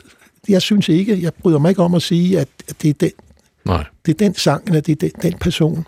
Fordi der er forskellige punkter i mit liv og i deres liv. Og, og, og jeg prøver at, at suge til mig, og det har jeg gjort hele mit liv med at få alle de her mange forskellige input. Så du glæder dig til at se filmen, glæder dig på? Ja, filmene, Filmene. og så har jeg jo den idé, jamen hvorfor så ikke lave en femte, hvor, hvor man så øh, laver historien fra, fra 62 til 70 bagefter. Det kunne du godt tænke dig. Det er simpelthen ikke nok, Arno. den, nej, men jeg, jeg synes jo bare, det virker bare oplagt, at, Totalt oplagt. fordi det bliver jo en pengemaskine, det her. Ja, så er vi tilbage ved udgangspunktet. Ja. Ja. Det er simpelthen det, det handler Det er om. det, det handler om. Arno Det tror jeg, Arno har så meget ret i. Arno har mega meget ret i det. Ja. Og Arne har også øh, gang i blad nummer 200. Øh, den ultimative Beatles-fan, Arne Gusek. Tak fordi du kom. Ja, velbekomme. Mm, Formand for. Beatles-klubben Beatles Again. Ja. Så, Ane Kortsen, var. Ja. Nu øh, bliver det mørkt. Nu bliver det mørkt. Måske passer det meget godt med min, øh, min brandtale omkring øh, kirken tidligere, fordi øh, jeg er faldet over en...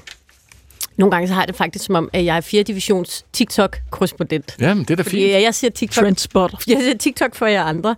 Men jeg har faldet over en, øh, en ja, jeg ved ikke, man kan kalde det en trend, men i hvert fald et, øh, et hashtag på, øh, på TikTok, der hedder Dark Academia. Øh, bare overskriften synes jeg jo er fantastisk. Og øh, til at forklare, hvad Dark Academia er, der har jeg inviteret Bodil Skovgaard Nielsen, som er kulturskribent ved Information. Hej Bodil. Hej Ane. Det er jo også tit dig, der skal herind og forklare noget, øh, som jeg har fundet på TikTok. Jeg beklager. Men Bodil, kan du ikke... Øh, jeg tror, du er bedre til at forklare, hvad er Dark Academia for noget?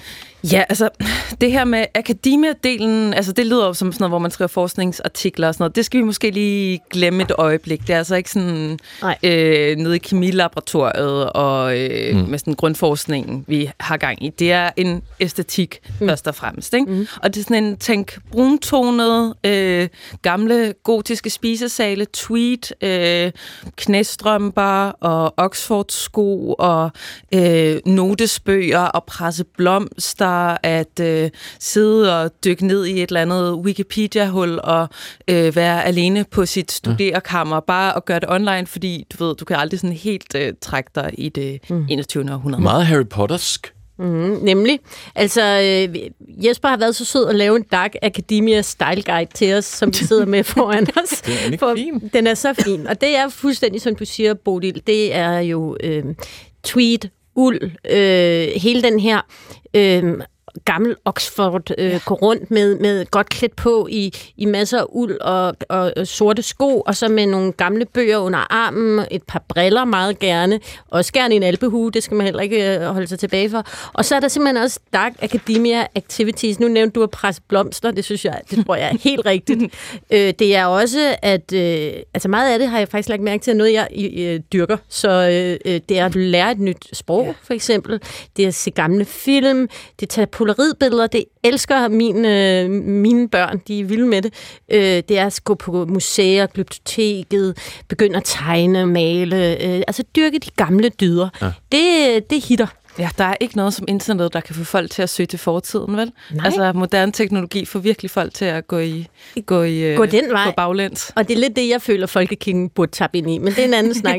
Men Bodil, øh, altså er det her en trend, Dark Academia, eller er det bare mig, der er håbløst bagefter? Altså, nu med far for at fornærme dig lidt, ikke? Jamen, kom med det. Ja, men altså, så var det her måske sådan... Jeg kan i hvert fald huske, at, øh, jeg så det også. Der blev også skrevet sådan nogle artikler om det for et par år siden. Også lidt før TikTok måske sådan var det helt store. Mm. Og måske sådan især under pandemien, hvor folk også lidt sad derhjemme og måske drømte om at komme på kostskole, i stedet for at være på kostskole hjemme hos mor og far Ja. og på Zoom. Ikke? Mm. Øhm, og, men sådan er det jo lidt nogle gange, at øh, den der sådan, fra ting kommer til TikTok, så går der tre uger, så er de på Instagram, og så går der tre uger mere, og så kommer de på forsiden af DR. Mm-hmm. Øh, så, men det handler altså også om, tror jeg, at altså, jo, det er også noget, folk poster om, men der er sygt mange subkulturer. Mm. Og, og subkulturen, der ved jeg ikke, hvad man skal kalde det. Det er måske mere sådan modetrends og trends påfund fra virksomheder og kulturproducenter og nogen, der gerne vil sælge noget tøj. Altså hvad der ikke er af cottagecore og øh, clean girl aesthetic og, og quiet luxury og Jamen, øh, altså. mobwife aesthetic. Altså sådan, og I kan, jeg kan heller ikke følge med. Man kan ikke nå og sådan, og de har alle sammen de der moodboards som med aktiviteter og tøj og sådan noget, der hører til. Og der er tit også knyttet et kulturprodukt til. Netflix med den her, øh, det der var det nyeste, som alle også sådan, var sådan, nu må det være nok med, det var den der mobwife aesthetic, altså sådan en øh, Griselda, mafia, serien der, ja. Ma- ma- Som er ma- mafiakonen. Mafia-kone-æstetik. Ja. Ja. Men også sådan plantet totalt meget Hvad er af det? Netflix. Kan du ikke lige give nogle, sådan, kan vi se Store hvad er? pelse, Ja. guldkæder, høje... Skulderpuder. Ja, skulderpuder, stort hår, dyrprint øh, og... Miley øh, Cyrus til øh, Grammy var Nå, okay. okay. mobwife aesthetic. Wow. Under, under alle omstændigheder, fordi det anerkender jeg og forstår ja. jeg, Bodil, at øh, det er ikke fordi, at det her er en gigantisk... Men hvorfor, hvorfor har den her generation, som jo er millennials, som du jo også lidt er en, selv er en del af, hvorfor har I brug for det her?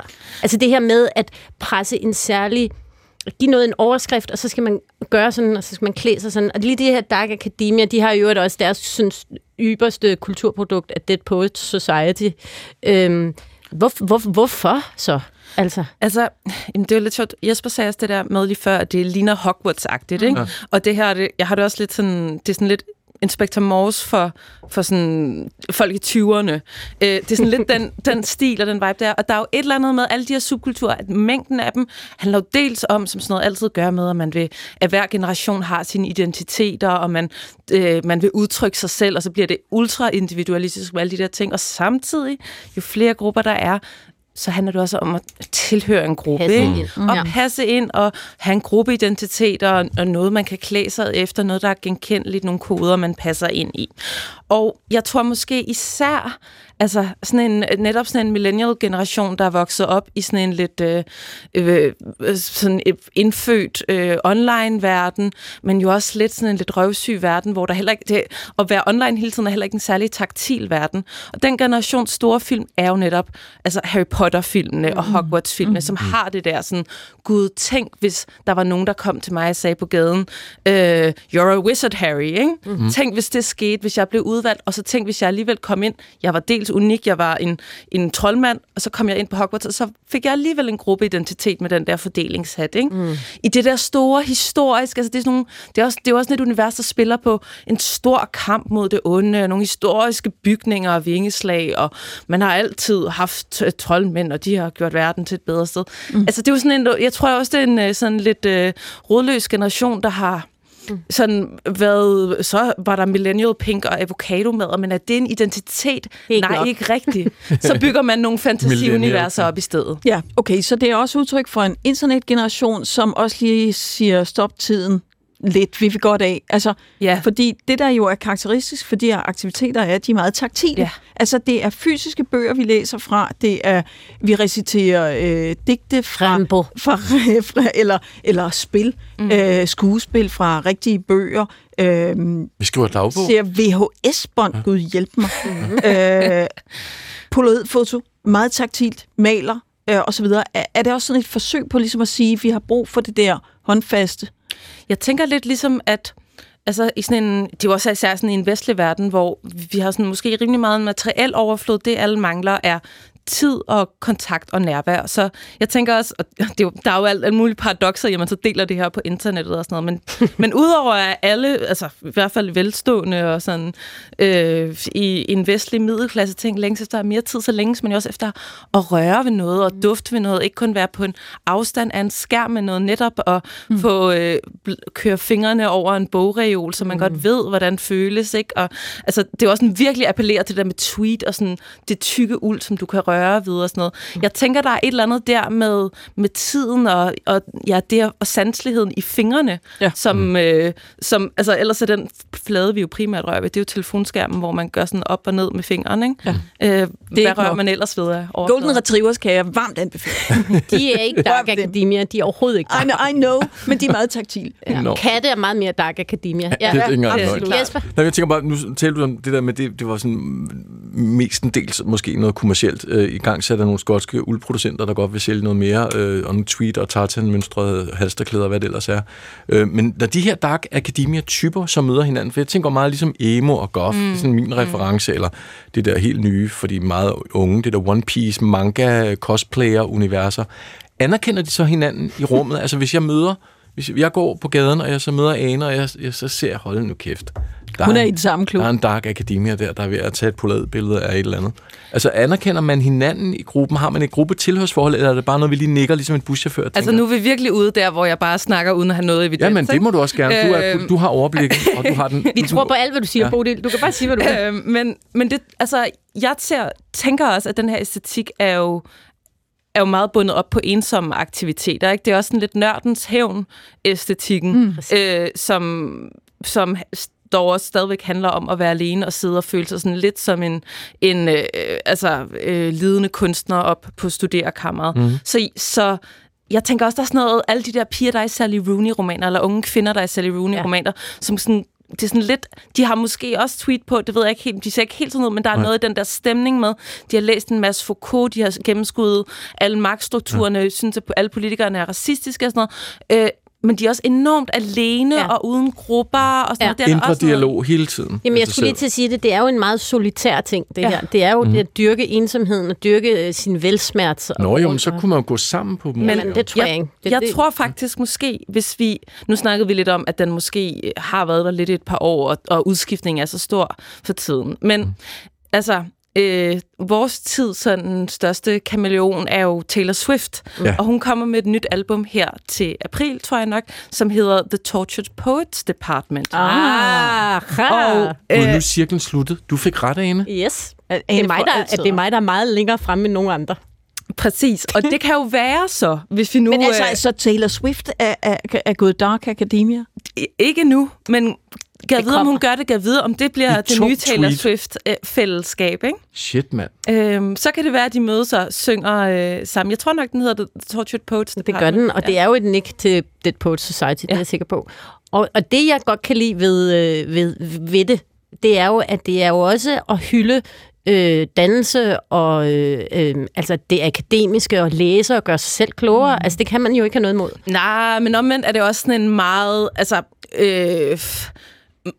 meget hvid gammel mand-agtig ting. Så nu er det så kvinder, men, men det er jo virkelig sådan... Kulturelitært. Ja, kulturelitært, og Eton og Cambridge og Oxford er jo ikke sådan måske verdens alle. mest sådan... Der er ikke så meget Peaky Blinders arbejderklasse over det. Nej, eller øh, forskellige kropstyper og hudfarver og sådan noget. Det er jo også sådan en lidt sådan en nostalgi tilbage til en verden, hvor underklassen og de brune og sort blev på deres plads, og så var det de rige mennesker, der kunne sidde i nogle gamle bøger. Altså, den undertone, ligesom der kan være... Mm-hmm. Der er jo alle mulige klasseting, Ja, der det er spiller sådan, ind i verden er i går. identiteter. Ja, den ligger der jo også et eller andet sted i en længsel efter en mere overskuelig verden, hvor man ikke skulle inkludere så mange. Vi Det var bare det dark, dark side Ja. af Dark Academia, du øh, Ja, fandt frem side. til der. Ja. ja okay. Jamen, øh, Bodil Skovgaard Nielsen, du øh, er jo... Øh, altså, du er jo fantastisk til at komme ind og oversætte for os andre. Øh, jeg skal lige vide til sidst, øh, hvis der nu sidder nogen derude af P1's lyttere og tænker, jeg vil gerne lære mere om det, hvad gør man så? Går man så på, om man ikke er på TikTok, kan man finde frem til det andre steder? Ja, men så skal man gå på Instagram. Mm. Øh, og så skal man søge, man kan også bare, godt bare google Dark Academia, og så bill, sådan en billedgoogling er altså meget godt. Mm. Det gør jeg altså tit selv, mm. så man lige skal have et overblik. Det giver sådan noget, de der brune nuancer og stofferne og sådan noget. Det er, det er den... Øh, Og så skal man søge ind på universitetet og gå på museet og gøre alle de der ting. Mm. Ikke? Det kan der ikke ske noget ved. nej, det kan der ikke ske noget ved. Mm. Og jeg tænker også, at der er sikkert mange af af P1's lytter derude, der er Dark Academia helt af sig selv. Det er det. godt, kan regne med. Ja. De sidder i et tungt tweet med bøger Ja, og sådan skriver er det lige jo op. heldigvis. Ternet knæstrømper. Ja, ja, Sådan ja. er det jo heldigvis med trend, så hvis man bare venter længe nok, så bliver alting... Præcis. Og det er jo det, vi argumenterede for, at kirken skulle gøre lige for et øjeblik Ja, det hele hænger sammen. Kan vi vide, om der er et par manga-typer, sådan nogle One Piece pæt-lytter? Det må der også være nogle af. Det tror jeg. Der sidder cosplayer, furry suits. Det må du tage op en anden gang, for jeg ved ikke helt, hvad det betyder, det du Nej, nej. siger derovre. Men, Det er dyredragter, kattedragter. Nå, for søren, kattedragter. Okay, men Bodil Skovgaard Nielsen, du er kulturskribent ved Information. Du var så sød at komme og prøve at gøre os klogere på Dark Academia. Tusind tak. Velbekomme. Tak, God weekend. komme. God weekend. Jamen, øh, første time af 4. division er vel overstået med Dark Academia. Du kunne godt være lidt, den trøje, du har på, kunne godt være Dark Academia. Den har jeg selv strikket. Og det er, må- det er måske ikke Dark. Academia. Jo, men- jo, jo, det er jo Er det det? next level Dark det er Gud, ja. Academia. Det er taktilt, det er gammeldags. Nå. Det er lækkert. Nå. I næste time, der skal det blandt andet handle om at tage fællesbad. Er I klar på det? Jeg er helt klar. Det er godt. Ikke helt. Men øh, først får du lige tre minutters nyheder, så er Ane Kortsen og Nynne Bjerg Christensen og Jesper Dein tilbage.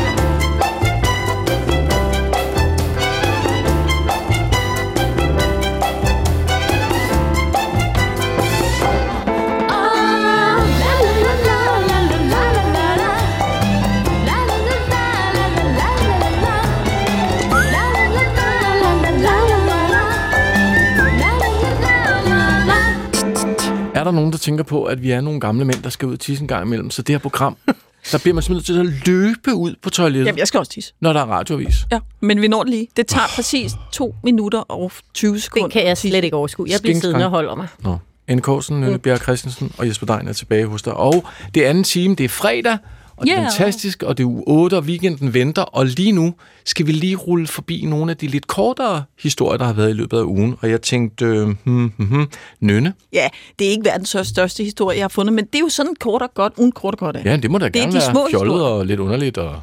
Det, Kom, kom med det. Ja. ja. Øhm, hvordan får man lanceret bøger, når man ikke er et stort forlag? Ja, det er tricky.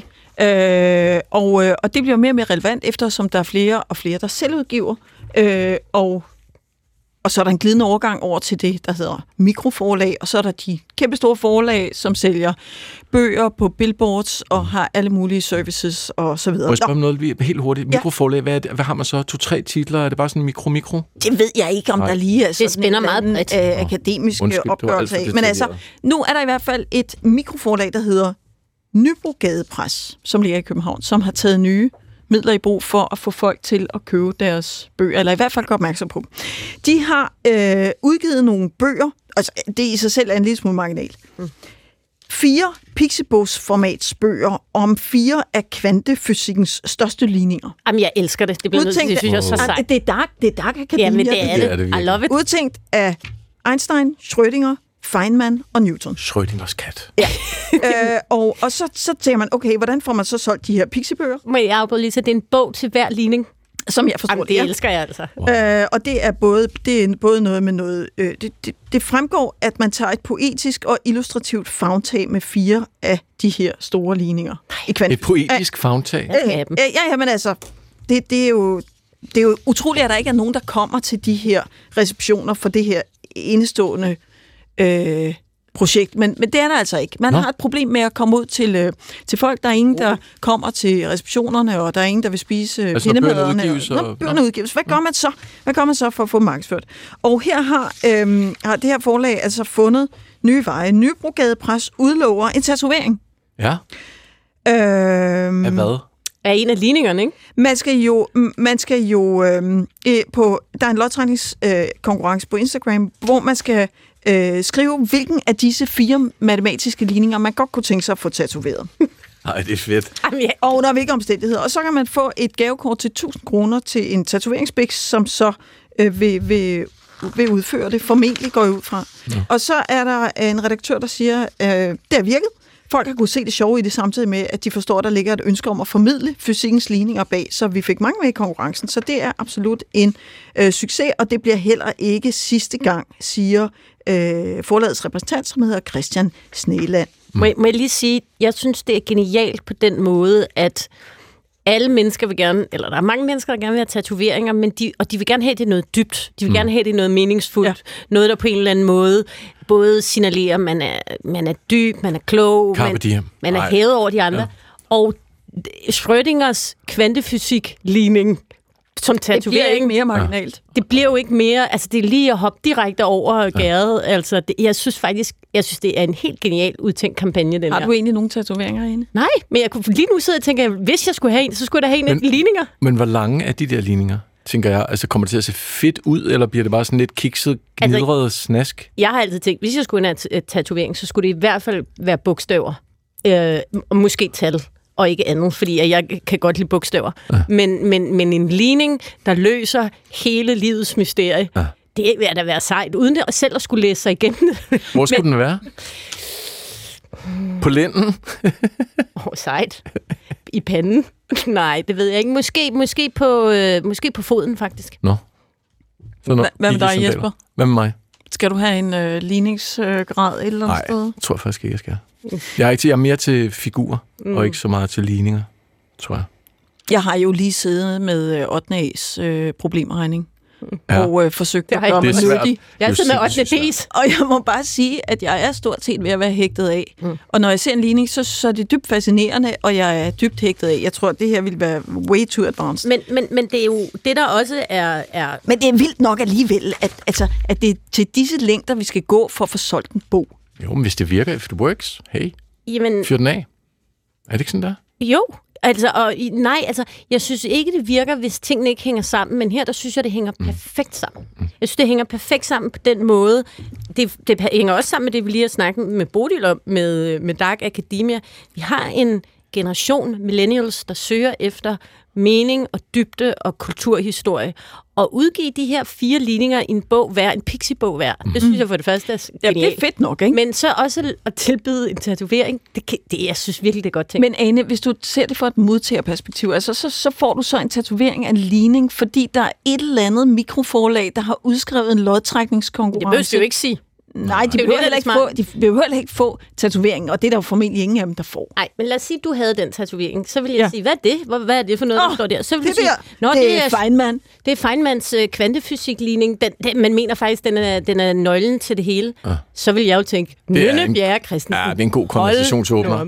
Nede på Hold nu Lord op. Nelson. Det Der- synes der jeg jo det. er, jeg synes jo, det er en, altså en direkte genvej til at virke helt enormt klog. Ja. Og så på et eller andet tidspunkt går det op for dig, at jeg aner ikke, hvem Feynman er. Nej. det er selvfølgelig et problem. Men det Ej, bliver det skal du du så lige nødt til at sætte på, dig ind så i. det. Hvis du har den linje vildt. tatoveret på kroppen. Men, altså, men fordi hvis du sagde, men det er fordi, jeg medvirkede i en øh, Instagram-konkurrence, så vil jeg nok... Ja, præcis. Altså, det er en showstop. Nå, det var bare det, jeg ville sige. Det, jeg synes, den er fed. Øh, vi skal videre med Anes øh, korte. Hvad Ja. har du? Jeg har, Det er noget, jeg du har været har lidt ked af hele Jeg dagen. har lyden af det her. Åh, oh, ja. Kan I høre det? Det er, det er noget taktilt. Det er noget taktilt, Det det er noget, noget på tryk. Det er lyden af det næst sidste blad fra Femina. Nå, Femina stopper med at udkomme som blad, som magasin. Mm. Øh, sidste nummer kommer på gaden den 29. februar. Øh, det er vores øh, praktikant, øh, Clara, der har været nede og købe det her for mig. ja. Føtex. Fordi at jeg synes, dels skulle hun som ung kvinde have lov til at prøve at købe Femina. Ja. For det kommer hun nemlig ikke til, Nej. nogen fra hendes generation. For det andet, så falder det sammen med, og det synes jeg næsten er det mest triste, at den 29. februar, der udkommer det sidste blad, dagen før, den 28. februar, der fylder Femina 150 år. Det er Danmarks ældste dameblad. Mm. Jeg begynder at græde snart. Jamen, Øh, Jeg kan godt mærke, at du er rørt. jamen hvorfor? og det, altså, der er lidt mærkeligt, det er, da jeg læste, at nu, fordi det har faktisk været besluttet længe, det er ikke noget, øh, det kommer ikke som en kat om natten, men nu, at nu er det endegyldigt slut med Femina som, som magasin, som man kan se inden, når man er i supermarkedet, eller øh, som man kan tage med hjem og læse, så blev jeg helt utrolig ked af det. Og det giver ikke rigtig nogen mening, fordi det er ikke, fordi jeg er en Femina-kernelæser. Jeg synes bare, vi mister noget... Øh, og, og, og jeg er også, jeg er egentlig meget teknologibegejstret. Jeg er ikke sådan en, der er sådan bagstræber på den måde. Men, men, men, men, men der er meget stor forskel på øh, et, et blad, et magasin, jeg kan holde i hånden og tage med hjem, og så et øh, online-univers, som mm. det skal være nu, Ja. hvor det koster penge at få adgang. Men på den anden side, så er det jo, man kan sige, det er bæredygtigt. Så slipper man for tryksværte og alt det papir og halløj, ja, Ja, og så må du så nøjes med de der engelske internationale magasiner i lufthavnen. Hvad går der af tabt, Ane, fra, fra det der blad, du sidder med i hænderne, til noget af det, stof, noget af det samme stof, du kan læse, brevkasser og så videre mm. online? Jamen, jeg tror, grunden til, at jeg... Altså, jeg har aldrig, og det er, øh, jeg tror aldrig, jeg har været nede selv og købe et Femina. Til gengæld så købte min mor Femina, eller så lå det hjemme hos os, og derfor så faldt jeg over nogle gange og læste i det. Og den der sådan måde, at det kan også ligge i venteværelset hos lægen, mm. eller det kan være hjemme hos en af sine veninders mødre, har det måske liggende, og så ser man det, så sidder man og kigger i det, selvom man aldrig ville have gjort det ellers. Nu skal jeg sådan gå ind i det her univers, og jeg tror, man... Øh, jeg, jeg kan ikke rigtig forklare det, men jeg synes, at, at det er en markør for mig i forhold til et, til et pigeliv og et kvindeliv, som, øh, som pludselig går hen og bliver meget digital mm. og meget kommercielt. Mm. Øh, og det, det er jo ikke, fordi de her blade ikke også er kommercielt og fyldt med reklamer, men, men, øh, men jeg har bare lyst til at stoppe op øh, og føre en samtale om, om vi er klar over, BT er også stoppet med at komme på print. Mm. Det synes jeg også er en kæmpe tab. Men det er vel også en Øh, generationsting. Jeg tænker, Nynne, har du, har du læst Femina? Ja, nej, måske lige Femina, men, men, men man, for, for mig repræsenterer Damebladet sådan et pusterum. Altså, jeg, jeg herunder faktisk også Euroman. Jeg elsker Euroman, ja, det er også et dejligt tykt blad. Der er også Øhm, rigtig, jeg rigtig elsker- gode artikler. Ja, jeg elsker Det Euroman meget mere end Damebladet, men for Damebladet, for mig at se, repræsenterer Damebladet et et uh, pusterum. Altså, mm. jeg vil altid gribe fat i det. Jeg, jeg har faktisk enormt meget lyst til, nu sidder Ane og bladet i dem, jeg har enormt mm. meget lyst til at kigge Hvad er der på forsiden? Fordi der er bare, jamen det er, jo, det er jo bare sådan noget med mode og mad. Det er jo ikke, fordi det er særlig avanceret. Men, men for mig se, repræsenterer det sådan en, en lille puster. Mm. Øh, og min mor har altid købt søndag, faktisk. Øh, og øh, der, der, der gik jeg altså... Øh, og hun har altid tænkt, om det var vi sikkert ikke interesseret i. Men på, på et tidspunkt så sagde jeg, mor, jeg tror lige, du skal, du, du skal lige samle de der blade, for jeg faktisk gerne have dem med op i sommerhuset. Mm. Så jeg lagde dem Ja. op i mit sommerhus. Så hyggeligt. Og så nemlig deroppe, hvor tempoet er lidt lavere og sådan noget, så ligger de en stak ude på toilettet, og så, eller inde i stuen, og så kan man lige gribe det, når der er. Ja. Det, det er en eller anden form for uforpligtende ro. Ja, og det, og det er ikke som det der er samme at logge på et online-univers. Men Nej, det er det jo slet Men ikke. det er jo en anden tid. Er det ikke sådan bare nostalgi? Du, bliver bare nødt til at sige, Nej, nej, det, det er var det. det. Nej, det er det ikke. Jeg tror, at vi er alt for hurtige i, de- i den her tid. Du er simpelthen bange for det her. Jamen, jeg tror, vi er for hurtige. Jeg tror, vi kommer til at fortryde det. Jeg tror, der er, når, når øh, øh, Bodils generation ser tilbage på os, hvis I var, var I dog nogle idioter, at I gav køb på alle de her ting, som faktisk betød noget for jer. Mm. Men og, og, og, jeg har, og det er vildt at sidde i radioen og være Feminas øh, fortaler, for det har jeg aldrig troet, jeg skulle være. Jeg synes bare, at vi er for hurtige til at sige, Øh, det er gammeldags ud men det. Nu lægger vi det ind i alt er vidunderligt på nettet. Det er det ikke. Det ved vi jo godt, det ikke er. Så derfor så synes jeg, at det... Øh, jeg synes, det går... Jeg synes, jeg synes ikke, at det... Jeg tror ikke, at det er det rigtige heller. Og jeg synes, at det er ærgerligt, at 150 år gammelt blad øh, pludselig skal ind i et online-univers. Men, men Ane, vi er også nogle bunderøve, fordi du sidder også selv og tilstår, du køber det aldrig. Og jeg køber heller aldrig dameblad. Nej, og så det er kan jo man jo derfor. ikke forvente, Men at det er jo tingene det. bliver holdt i live. Men det var- Og prøv at kigge på, hvad for en reklame, der er bagpå. Det er Tena, det, det er... Det er små urinlækager. Det er in- inkontinens. Det er jo et lorteord på et trykt medie. Urinlækage. Men, men, men, men det er jo rigtigt, det er jo bare, hyggeligt, det er at I skal sidde og beklage sig over, når man ikke selv går ned og køber. Det er godt klar over. Og da jeg læste, at nu udkom Femina øh, ikke mere på print, så var det min første øh, spontane tanke var, jeg skal ned og købe det. Ja. Øh, og, og nu har jeg så sendt øh, øh, Klar klar ned, fordi jeg... Du skal have det næste uge også, jo så. skal den næste uge, og så, øh, så vil jeg bare opfordre til dem, der træffer de her beslutninger, lige at tænke sig om en ekstra gang. Bum. Vi skal også tænke os om i forhold til, når vi, øh, nu snakker om det der med det digitale, og det går alt for hurtigt, at vi faktisk er begyndt at brænde hinanden af, det ved vi godt. På dates kalder man det ghoste. Nå, er vi det? Det vidste de godt. Mm. Ja, ja. Ja, Altså, der- Æ, altså, Ane og jeg har jo været gift i det er det. Man, man, 550. man, man ghoster meget hinanden, lyder det derude. Ikke? Altså fænomenet, man møder ikke op, og, og det, det har man så døbt det her fænomen internationalt. Og det er altså ikke kun i sociale sammenhæng, også restauranterne oplever, at folk simpelthen booker mm. flere steder, bum, bum, bum, bliver væk uden at give lyd. Det er så tavligt. Det er nemlig tavligt. Jeg kommer lige med et eksempel. Altså, det, kan det de er ikke nemlig... få fat på en og spørge, hvor de, man bliver af? Ja, men hør, hvor interessant det her er. For den, øh, grund til, at jeg tog den med, det var, fordi der var en restauratør, Jakob Kok Nielsen. Øhm, han har Osteo Pirlo ved København, sådan en almindelig mellemklasse-restaurant. Fin en. Øhm, han skrev den her uge på X, der beskrev han, hvordan 10, ikke en eller to, 10 gæster Ej. havde reserveret bord. 10 minutter før de skulle dukke op, fik restauranten besked om, de var forsinket. Ikke bare, at de meldte afbud, nej, de var forsinket. Og en halv time senere, så skrev de, at vi har ombestemt os, vi kommer ikke alligevel. Nej. Så det her lille spillested står med råvarer, Spisested. personale, spisested, ja, tak. Og øh, altså, folk møder bare ikke op, og det er bare skidelig meget. Og så har vi slet ikke talt om sundhedsvæsenet, hvor det samme foregår, hvor ja. folk bare bliver væk for undersøgelser, der koster både dig og mig og Nynne og alle andre skatteborgere 1.500 til 2.000 hver gang. En ghoster sundhedsvæsenet. Og det sjove er jo, at nogle af de der restauratører, for jeg, altså, du har sendt den historie ind til redaktionen, og jeg sendte den samtidig, for jeg faldt også over den. Det interessante er jo, at dem, der har flere forskellige restauranter, kan se, at der er grupper af mennesker, der bestiller flere forskellige steder. Nej. Øh, og derfor må der jo uværligt være et eller flere steder, der bliver øh, brændt af. Og det er bare tageligt. Jeg tænker Fordi bare det, på det holder jo også...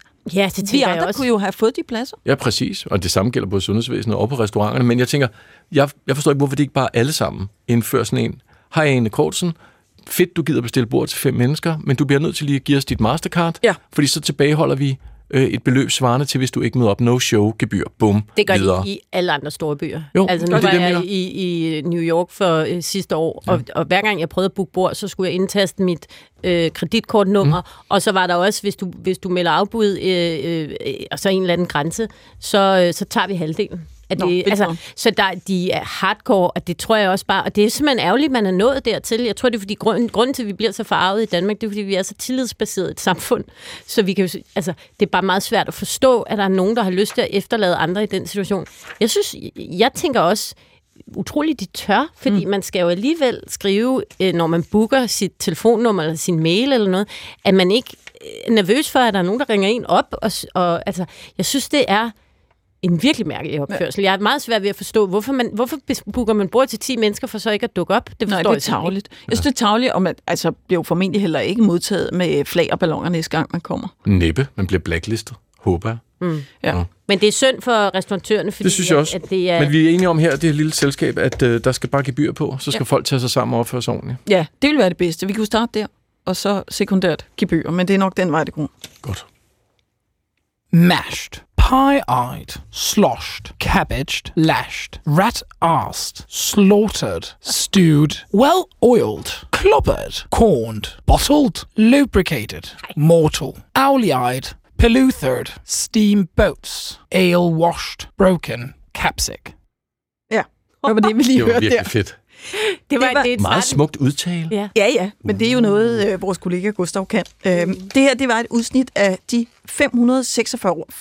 146 ord, som er sådan almindelige britiske udtryk for at være fil, vel, fuld, fuld, stiv, hammerlam, stang Bacardi, blæst. Og det er, det er regulære, fulde synonymer. Det er ikke bare sådan en tilfældig sproglig opfindsomhed.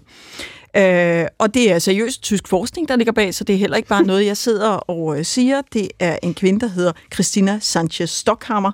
Hun er professor, hun er en af forskerne bag øh, studiet, professor på Chemnitz Universitet of Technology i øh, Tyskland. Og hun er faktisk nået frem til, som sagt, at der er ikke færre end 546 ord for at være fuld.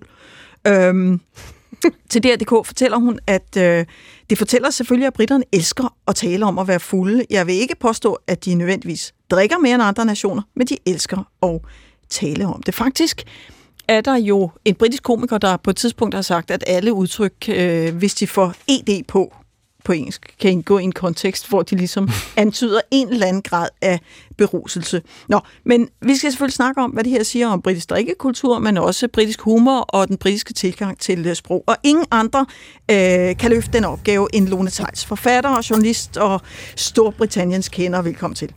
Tak skal du have. Lone, du har boet jo i Storbritannien i rigtig mange år. Kender du de udtryk, som, øh, som Gustav lige, øh, lige tog os igennem her? Øh, boneless, rat arsed, altså rotterøvet, All-eyed. steamboat, Hvad siger det for sig, ikke? steamboat, dam, dampbåd. Altså, jeg, er du, er du fortrolig med de her udtryk? Jeg tror, Steamboat, den var vist ny for mig, men altså, jeg kan jo så tilføje nogle andre. Plastered, uh, hammered og så videre. Ja. Så øh, der er masser af ord. Øhm, og da jeg hørte det her, så, øh, så var min første tanke, at det, det er lidt ligesom inuiterne har øh, rigtig mange ord for is og sne. Altså, det er simpelthen, øh, det afspejler, hvad man har brug for at tale om i en kultur, hvad der er nødvendigt at tale om. Mm. Og man må sige, det ligger øh, ret øh, nært ved den britiske kultur, at man øh, går på pop, at man er til bliver lidt fuld. Øh, og det er jo, altså, nu nævner du diskussionen om inuiter og sne snifnuk. Så, så kan du på det her spektrum af 546 ord aflæse, hvor fuld man er? Hvor beruset ja. man er? Er det det, det Altså, handler om? Ja, på den måde, så er det jo, altså så, så er engelsk jo øh, på mange måder øh, en, en del mere præcist end, end mange andre sprog. Altså på dansk, øh, der nævnte du nogle, øh, nogle sjove ting, ikke? Altså Bacardi og sådan noget, men i virkeligheden, så siger vi jo sådan mest, jeg bliver fuld, eller jeg bliver meget fuld, eller jeg bliver lidt fuld, ikke? Men i Storbritannien, altså hvis man nu for eksempel er ude til en øh, champagne brunch med sine veninder, mm. øh, så bliver man jo ikke hammered. Så Nej, bliver man, så bliver man tipsy måske. ti- man bliver tipsy, man bliver sådan lidt øh, bossy, varm, øh, lidt sjov, og taler måske lidt for højt og lidt for meget og sådan noget. Øh, men hvis man er øh, studerende, og man er ude med, med drengene fra øh, ingeniørstudiet i Leeds, så bliver man hammered. Men Øh, altså og- steamboats, dampbåd, hvor, hvor, hvornår er vi steamboats? Ja, nu var, nu var det så lidt et, et nyt udtryk for mig, men jeg vil tro også, det er ret. Øh, det, er en, det er en ret seriøs brændert, vil jeg sige. Det er, det er ikke en lille tipsy øh, champagnebrændert, det der til en reception. Det er... Det lyder som sådan noget, hvor man går ned igennem gaden i Aalborg, og bare steamboat sådan helt... Ja, det kan være, man råber det sådan en steamboat. Altså, det, så dem er det kender man godt, de typer. Ja, ja. Nå, men det, Og det, det, er legless, det er jo faktisk... sådan den anden ende af skalaen, ikke? Hvor, man, hvor man simpelthen ikke kan gå hjem selv, vel? Så, er det, Boneless. så ved man også godt, så har man altså fået noget inden for Vesten, ikke? Nej, ja, ja, ja legless, legless eller boneless, det er helt... Øh, og og Ja. well oiled, der kan man også fornemme, at der er man altså Ja. godt, godt, øh, godt smurt i Der er man i godt humør. Det kan man høre. Well oiled, der er man, der er man godt Ja. ja. Så det beskriver altså en eller anden... Det beskriver, øh, at man op, altså, hvor man er konkret på et fuldemandsspektrum. Men det, Ja. det, det påfaldende er, synes jeg også, at der er så meget... Altså, man kan mærke det engelske sprog, som du siger. De her udtryk, de refererer til en eller anden grad af beruselse, og det er sådan meget...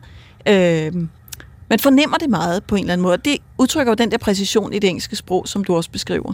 Jo, der er den kærlighed, og så er der jo også en, altså, eller præcision, og så er der jo også en kærlighed til at tale om det her, ikke? Og det, det er jo også det, vi hører professoren sige, at det er jo noget, man diskuterer bagefter, fordi det er en social ting. Altså, Ja. britterne bruger øh, jo poppen som bekendt som dagligstue i mange tilfælde, og man, det er en social ting, man gør sammen, så man taler selvfølgelig også om, Nå, men kan du huske, hvad der skete i fredags? Ja, altså... Øh, Marjorie, hun blev virkelig hammered, ikke? Mm. Øh, eller, jeg var legless, da jeg skulle hjem. Altså, på den måde, så, øh, så, så, altså, så har man også brug for det her sprog til indbyrdes, ligesom at, at vende de oplevelser, man har haft sammen, eller Ja. fortælle sine venner og bekendte familie, hvem man nu ellers taler med, Ja. om hvad skete der her i weekenden. Ja. Lone, du bliver lige nødt til at fortælle os, om, om den der popkultur stadigvæk lever i bedste velgående i, øh, i England. Fordi man har forsøgt at bløde op på det der med, for eksempel, at de lukker klokken 23 og, og forskellige andre ting. Men, men er det stadigvæk en britisk dagligstue? Ja, det er det, og det er sådan, altså nu er vi jo, det, er jo fredag i dag, øh, og øh, altså der vil helt klart, øh, om, om ikke ret lang tid i de øh, britiske popper, være kæmpe stort ryk ind, at folk, der har fået weekend, kommer fra kontoret, fra deres arbejdsplads, så er det altså meget, meget traditionelt, men stadigvæk lige går hen og får den der god weekend, pint, eller tre, eller fire, eller hvor meget det nu bliver til, med sine kolleger. Det er simpelthen sådan en social ting, man gør. Øhm, så, så det er en del af det. Øh, så prøvede man jo for nogle år siden, altså man har jo sådan helt legendarisk det der last orders, som det hedder, der omkring kl. 23, og så lukker poppen ligesom efter det. Øh, og der prøvede man jo for, for en del år siden faktisk at bløde lidt op på det, Mhm. øh, og sige, at popperne må godt holde åben længere, hvis de skal bare ansøge om det. Øh, simpelthen også fordi for at undgå, fordi der, der kan godt opstå lidt gnidninger, når alle popperne lukker på samme tid, og alle folk skal hjem på samme tid. Øh, og der er jo kun et vis antal taxaer og sådan noget, så folk kan nemt komme op og slås og skændes og sådan noget. Og der prøvede man så ligesom for at komme væk fra det, og sige, nu kan vi have noget for skudt åbningstid og sådan noget. Og der talte jeg med en, øh, med en taxachauffør på et tidspunkt, hvad han synes om det. Han synes, det var en frygtelig idé. Og så sagde han, men, øh, hvorfor det? Så sagde han, om han havde været i Grækenland øh, ugen før, og, øh, og der lukkede popperne ikke kl. 23. Og der, han var jo vant til at drikke fuldstændig hårdt op til kl. 23. altså, man skal virkelig have det ind, man kan nå at få inden kl. 23, for der er slut. Men når poppen så bliver ved med at åbne, så, så er man jo mega fuld. Ja, det er alt og for fuld. sloshed, om man vil. Og så, øh, så bliver man ved med at drikke, så bliver man jo virkelig legless. Ja. Øh, så det synes han var en dårlig idé. Altså, det, han, han sagde, vi kan ikke styre det, når det ikke slutter kl. 23. Men det var lige det, jeg skulle til at spørge dig om, Lone, fordi at jeg har bare observeret, en ting er, hvordan øh, britterne er på deres pubs i, i England, men når man er ude at rejse, blandt andet har jeg engang været på Ibiza, mm. og jeg har aldrig i mit liv set så mange fulde englændere samlet de på et det sted. Kalelia det, også. det er fuldstændig vildt, så mange ja. de er, og så meget de drikker, og så lang tid de bliver ved. Altså, ja. øh, det er noget særligt britisk, og det er simpelthen, fordi de er vant til, at kl. 11, der lukker det, og hvis de bliver ved med at holde åbent, så bliver de bare ved med at drikke. Altså, Altså, hvis vi skal drage en lille parallel, øh, og jeg skynder mig lige at sige, at jeg holder virkelig meget af Sverige og svensker, men, men der er jo også nogle svensker, der kommer til Danmark og skal ligesom også lige vende sig til det der med, at de kan købe alkohol mm. alle mulige steder, øh, ikke kun på Systembolaget. Øh, og det kan jo også medføre en vis form for, mm. hvad skal vi kalde det, øh, fuldskab. Ja. Overload. tipsiness. Leglessness. Må, må jeg spørge dig, Thijs, øh, i forhold til sådan demografisk, skulle til at sige, eller i hvert fald klasseinddeling, der er det britiske samfund jo i den grad kendt for det. Men hvis man går på pop, øh, ja. jeg var i London sidste weekend med kæresten, og gik og var meget overrasket over, at der stod simpelthen alt for de helt unge murersvende i deres tøj efter arbejde, til den fine banker, til den gamle, øh, det, det gamle ægtepar, og så var der også øh, turisttosser, der rendte rundt. Ja. Altså, er det stadigvæk sådan, at poppen er sådan en, en klassebreaker? Det er det fuldstændig, og det er jo det, der er skønt, og jeg tror egentlig også, det er det, som gør, at folk elsker deres pop. Altså, man har jo en fast pop, som man er faktisk lojal over for, for det meste. Det kan være det er den, der ligger lige ved siden af kontoret, eller det kan være den, der ligger i det nabolag, hvor man bor og sådan noget. Og der lærer man ligesom stedet at kende, og de, dem, der kommer at kende, og mm. de bliver ligesom sådan en, det bliver en daglig øh, stue på mange måder. Øh, og, og det, altså, det, det er jo folk, der sidder hjemme og drikker i Storbritannien, men det er altså de færreste, det er mere en social udadvendt aktivitet, mm. øh, som man gør i, i god ro og orden. Ja, en kæmpe ensomhedsbekæmper i virkeligheden. Ja, jeg, jeg gad virkelig godt have, at vi havde det sådan herhjemme. Jeg synes, det er så Men- kikset at skulle gå på sådan en ryger Og det var jo sindssygt hårdt for britterne, da der var covid-nedlukning og sådan noget, de jo ikke kunne komme på poppen. Altså, det var noget af det, der var allerhårdest ved, men det var faktisk det der med, at popperne var lukket. Men må jeg spørge dig, Lone, fordi jeg har faktisk aldrig rigtig prøvet at besøge en pop på den måde. Er det, er det upassende at blive rigtig, rigtig, rigtig fuld? Eller er det, er det lige meget? Altså, hvor er, hvor, hvor, hvor er, hvad er etiketten egentlig? Ja, men altså, etiketten er jo selvfølgelig, at de fleste kommer ind og får nogle øl. Øh, I så god sidder man og orden, snakker lidt. Ja. ja, så det er sådan lidt noget hyggeligt noget. Men det kan jo gå over gevind. Altså, det tror jeg ikke, der er nogen, der ser skævt til. Det kan være noget med, at der måske lige har været en fodboldkamp, holdet har vundet, eller holdet har tabt. Der er alle sammen gode grunde til at drikke mere øh, points. Øh, men, men øh, ja, altså der er altid nogen, der er fuld på en pop. Sådan er det jo, eller mm. det sker der i hvert fald mere mm. mellemrum. Og, ja, altså, det er ikke sådan, at man bliver i, uh, uleset af den grund. Altså, Nej, men- så kan men- man bliver drillet næste gang, man kommer derhen. men er Præcis, ikke øh, sådan. med et eller andet udtryk. Ja. Øh, men, men altså, Lone, må jeg så gå over i den anden øh, grøft og spørge dig til, om man kan være på en, en, øh, en pop uden at drikke, altså, eller, eller altså, med andre ord, hvordan øhm, er man egentlig Altså, kan, kan man være ædru? Øh, det er jo en kultur, der også understøtter et kæmpemæssigt alkoholforbrug, hvilket jo ikke altid er lige sundt, og slet ikke for de unge. Øhm, så, og det har vi jo egentlig, synes jeg, en samtale i gang om i Danmark, som er lidt anderledes, end den måske var for, for 10 år siden. Øhm, måske også en overvejelse om, at det selvfølgelig ikke er sundt at drikke på den måde, og mange mennesker kan, kan ikke administrere det eller, eller tåle det. Altså, er der en samtale i gang om i England, om man kan bevare popkulturen, og så alligevel lade de mennesker, som faktisk ikke ønsker at drikke alkohol, være en del af det? Jeg ved ikke, om det ligefrem er en samtale i gang. Nej, det men ville være jeg for kiggede- flot at jeg, sige. Jeg kiggede lidt på tallene, øh, inden at øh, jeg skulle snakke med jer. Og der kan man faktisk se, at øh, altså, der er en overraskende høj procent, synes jeg. Nemlig 20 procent af britter, voksne britter, som siger, at de faktisk aldrig drikker alkohol. Det er altså hver femte britter alligevel. Mm. Øhm, og, det, og det overrasker mig, og tallet er stigende. Mm. Øh, og det bliver jo interessant at se. Og det er især unge mennesker, der simpelthen vælger det der fra. Men, men går de på Øh. poppen alligevel? Ja. Jamen, det tror jeg, men altså, Tror jeg, det, det er ikke sådan, vi ser, altså, fordi når jeg er inde på en pop, altså, det er ikke sådan, man tænker, Nå, men så kan man jo for eksempel få en alkoholfri pint, eller en alkoholfri øl. Det er ikke en ting endnu. Nå. Men det tror jeg, det måske kunne være den udvikling, man skulle øh, kigge lidt nærmere på, hvis man skal bevare den der hygge, der er ved poppen. Det Men jeg tror- tror, ja. mange britter vil se det som lidt suspekt, hvis man ikke øh, tager en pint, når man er på pop. Det virker mærkeligt. Det svarer lidt ligesom til at gå ind i en tesalon og sige, at man vil gerne have en cola. Altså, jeg, jeg har øh, opdaget, da jeg var i London sidst, at, øh, og det, der var jeg nemlig ikke på pop, men på de der sådan almindelige, sådan lidt hipsteragtige caféer og sådan noget, de havde et stort udvalg af alkoholfri øl. Mm. Altså, Ja, der er mange sådan er- mikrobryggerier, der laver det og, Ja. ja. og gode alkoholfri øl. Så er der nogle andre byer, øh, øh, Paris og New York og sådan noget, de har intet, intet, altså jeg har aldrig hørt om det. Men lige i London, der lagde jeg altså mærke til, der havde de da fat i noget. Altså, det er typisk på caféerne. Altså, det er sådan lidt sjovt med, med hele pop-scenen i Storbritannien, fordi mange af de her popper, de er faktisk ejet af bryggerierne. Så man kan sige, hvis bryggerierne mm. ikke selv har nul alkoholøl, så har de ikke sådan et kæmpe incitament til at sælge det, fordi Ah, det er det, er ikke deres egne produkter. Mm. Og det er de store bryggerier, ikke? De Ja. store etablerede. Ja, så er det nok Ja. derfor. Godt. Ja, men uh, Lone Tejls, tusind tak. Altså 546 ord. Jeg kan måske lige tilføje her til sidst, at vi har jo lavet en undersøgelse på DR.dk, øh, hvor folk skulle sende, øh, sende øh, udsagn ind, som for dem svarede til at være fuld. Der, der er kommet i skrivende stund 895 forskellige Wow. ord på Wow. dansk for at være fuld. Vi kan også være med, hvor er det godt. men, er men, altså, stolt. men, men, men meget af det vil du ikke forbinde øh, med at være fuld af en kursen fnøllem døllem, for Hvis jeg eksempel. lige må have lov til at komme med en tilfælde, så vil jeg sige, da jeg var ung i Vestjylland, så sagde man om folk, når de var fulde, at de var Palermo. Palermo, Ja, ja, ja. Jo, jo, men Palermo. Palermo er på listen, men jeg vil sige, altså formelt set er der fundet 90 udtryk for i politikens slangordbog øh, for, for det at være fuld.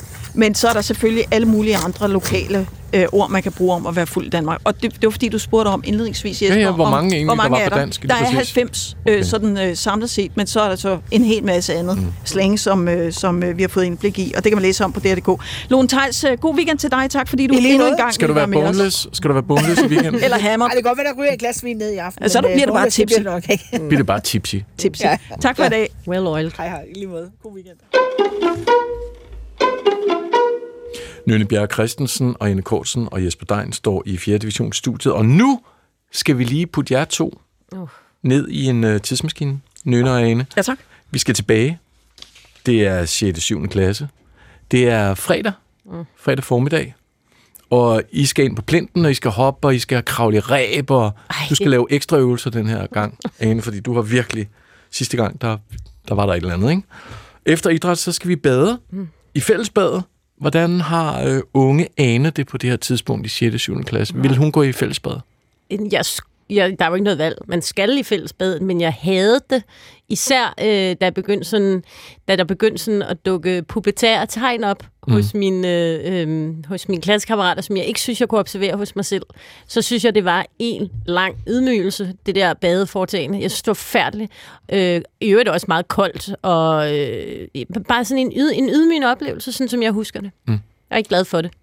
Unge Nynne står der. Jeg, jeg, jeg, jeg, jeg, jeg, jeg, jeg, Jamen, det er måske også efter, at jeg født øh, tre børn og brystbetændelse og sådan noget. Der findes ikke den læge på Herlev Hospital, der ikke har set mine bryster. Det må jeg bare Nej, sige. men nu taler vi om Og- og- sjette. ja, Ja, men nu jeg, sjette, jeg, har, jamen, Det er jeg jo ikke har nu, jeg har det været sådan. ret ligeglad med det. Det er jeg da også nu, men det var jeg da ikke Nej, dengang. men, men jeg, jeg, Er du ligeglad i 6. 7. Ja, ja, fuldstændig. Og jeg var super sent udviklet, fordi jeg kom øh, tidligt i skole. Mm. Så jeg var den sidste, så jeg tror, det kan være svært for dem, der er nogle af de første til at udvikle sig.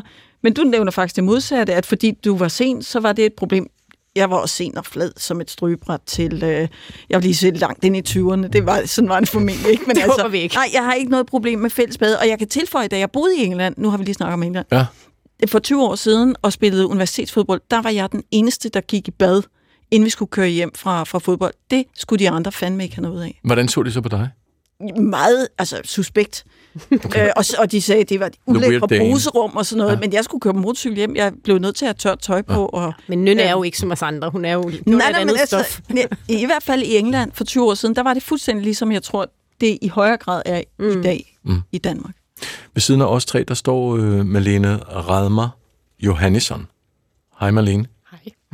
Og dejligt, du kunne komme. Og vi skal snakke lidt mere om dit projekt, som hedder Spejlven. Øh, Ja. Men jeg kan vel da godt lige spørge dig, unge Malene, hvordan havde du det i fællesbadet? Øh, Jeg var f- også øh, simpelthen på det hold der, der var allersidst udviklet øh, tidligt i skole, og, og meget drenget, meget længe, ja. og observerede jo også, at det var sådan. Men jeg spillede håndbold hele tiden, og var i omklædningsrummet der, og dengang der badede vi også kun med vores klasse, mm. øh, og det er også noget, der betyder noget, det der med, om det er nogen, jeg faktisk kender. Ja. Øhm, så for mig var det ikke et problem. Grunden til, at vi skal tale om det her igen Du igen. undgår jo behendigt at snakke om dig selv. Jesper. Nå, nej, men Jeg det skal vi sige, hvad med Jesper? Jamen, der var jeg ligesom, du sagde, Anne, det var jo tvunget. Det var jo bare afsted og ind. Og, og Men du husker det ikke som noget Nej, særligt rart. overhovedet Nej, ikke. nej. Slet ikke. Jeg gjorde det, vi skulle. Sådan var det. Mm. Øhm, men igen igen er det her øh, tvungne fællesblad til diskussion. Og i denne her uge er det sådan ligesom proppet op i folkeskolen. Øhm, lige præcis. Øh, man kan for eksempel i folkeskolens debat møde en lærer fra Hundested. Han hedder Frederik Germand. Han ønsker at afskaffe fællesbad efter idræt. Han mener simpelthen ikke, at det gør noget godt for eleverne, som i mange tilfælde har det skidt, siger han, med at være nøgne sammen foran deres klassekammerater. Han siger, at det er et udtryk for en fælles tankegang, når man tvinger børn og unge til at gå i bad. Det siger altså Frederik Germand, som jo også er byrådsmedlem i Halsnæs Kommune for de konservative. Og så hvis man læser videre i dag, debatten fortsætter, kan man møde Thomas Hahn, eller Hane, tror jeg han hedder, idrætslærer på mellemtrinet på Mulbjergskolen. Han blander sig i debatten i dag og siger, at fællesbadet kan lære os mange ting, og derfor er det ikke nok at sige, at man ikke har lyst. Som mennesker mødes vi om mange ting her i livet, vi ikke bryder os om, men vi må og skal forholde os til det, og i skoleregi kan en fremlæggelse være mindst lige så skræmmende for nogle elever, som har badet efter idræt, men vi fritager ikke eleverne for at fremlægge i skoletiden. Og der er simpelthen blevet skrevet så mange spaltemillimeter om det her gennem årene. Der er lavet fine undersøgelser, og nogle af dem, der arbejder for ligesom at samle det og læse op på det og oplyse og forsøge at genopleve snakken om ja, omklædningsrummet, som det jo handler om, og badet, det er Spejlven. Et projekt, som Antidoping Danmark har lavet i samarbejde med Foreningen Spiseforstyrrelser og Selvskade. Og gadummen, der kommer du ind med Lene Radmer Johannesson. Hvad tænker du om Germand, ham læreren der, der mener, at badet bør ja, afskaffes, fordi det er forældet? Hvad siger du til Germand?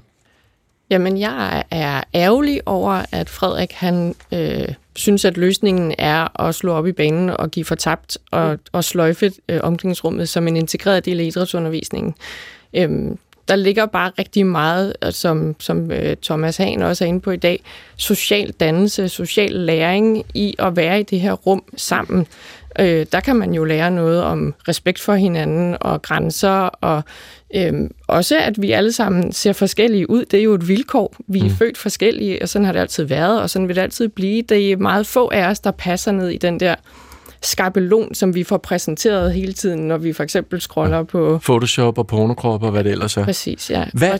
Ja, undskyld, hvad? Ja, altså samtidig med, at vi er forskellige, så er det jo også en pointe, at inde i det her omklædningsrum, hvor vi er sammen med vores jævnaldrende, er vi jo rigtig mm, meget mere ens, kan du sige, mm. end vi er med dem, som vi kigger på derude. Især de børn, som kigger ud, fordi de kigger jo på nogen, som er meget ældre end dem, og, og spejler sig op i deres normalitet. Og så er der plads til en følelse af utilstrækkelighed.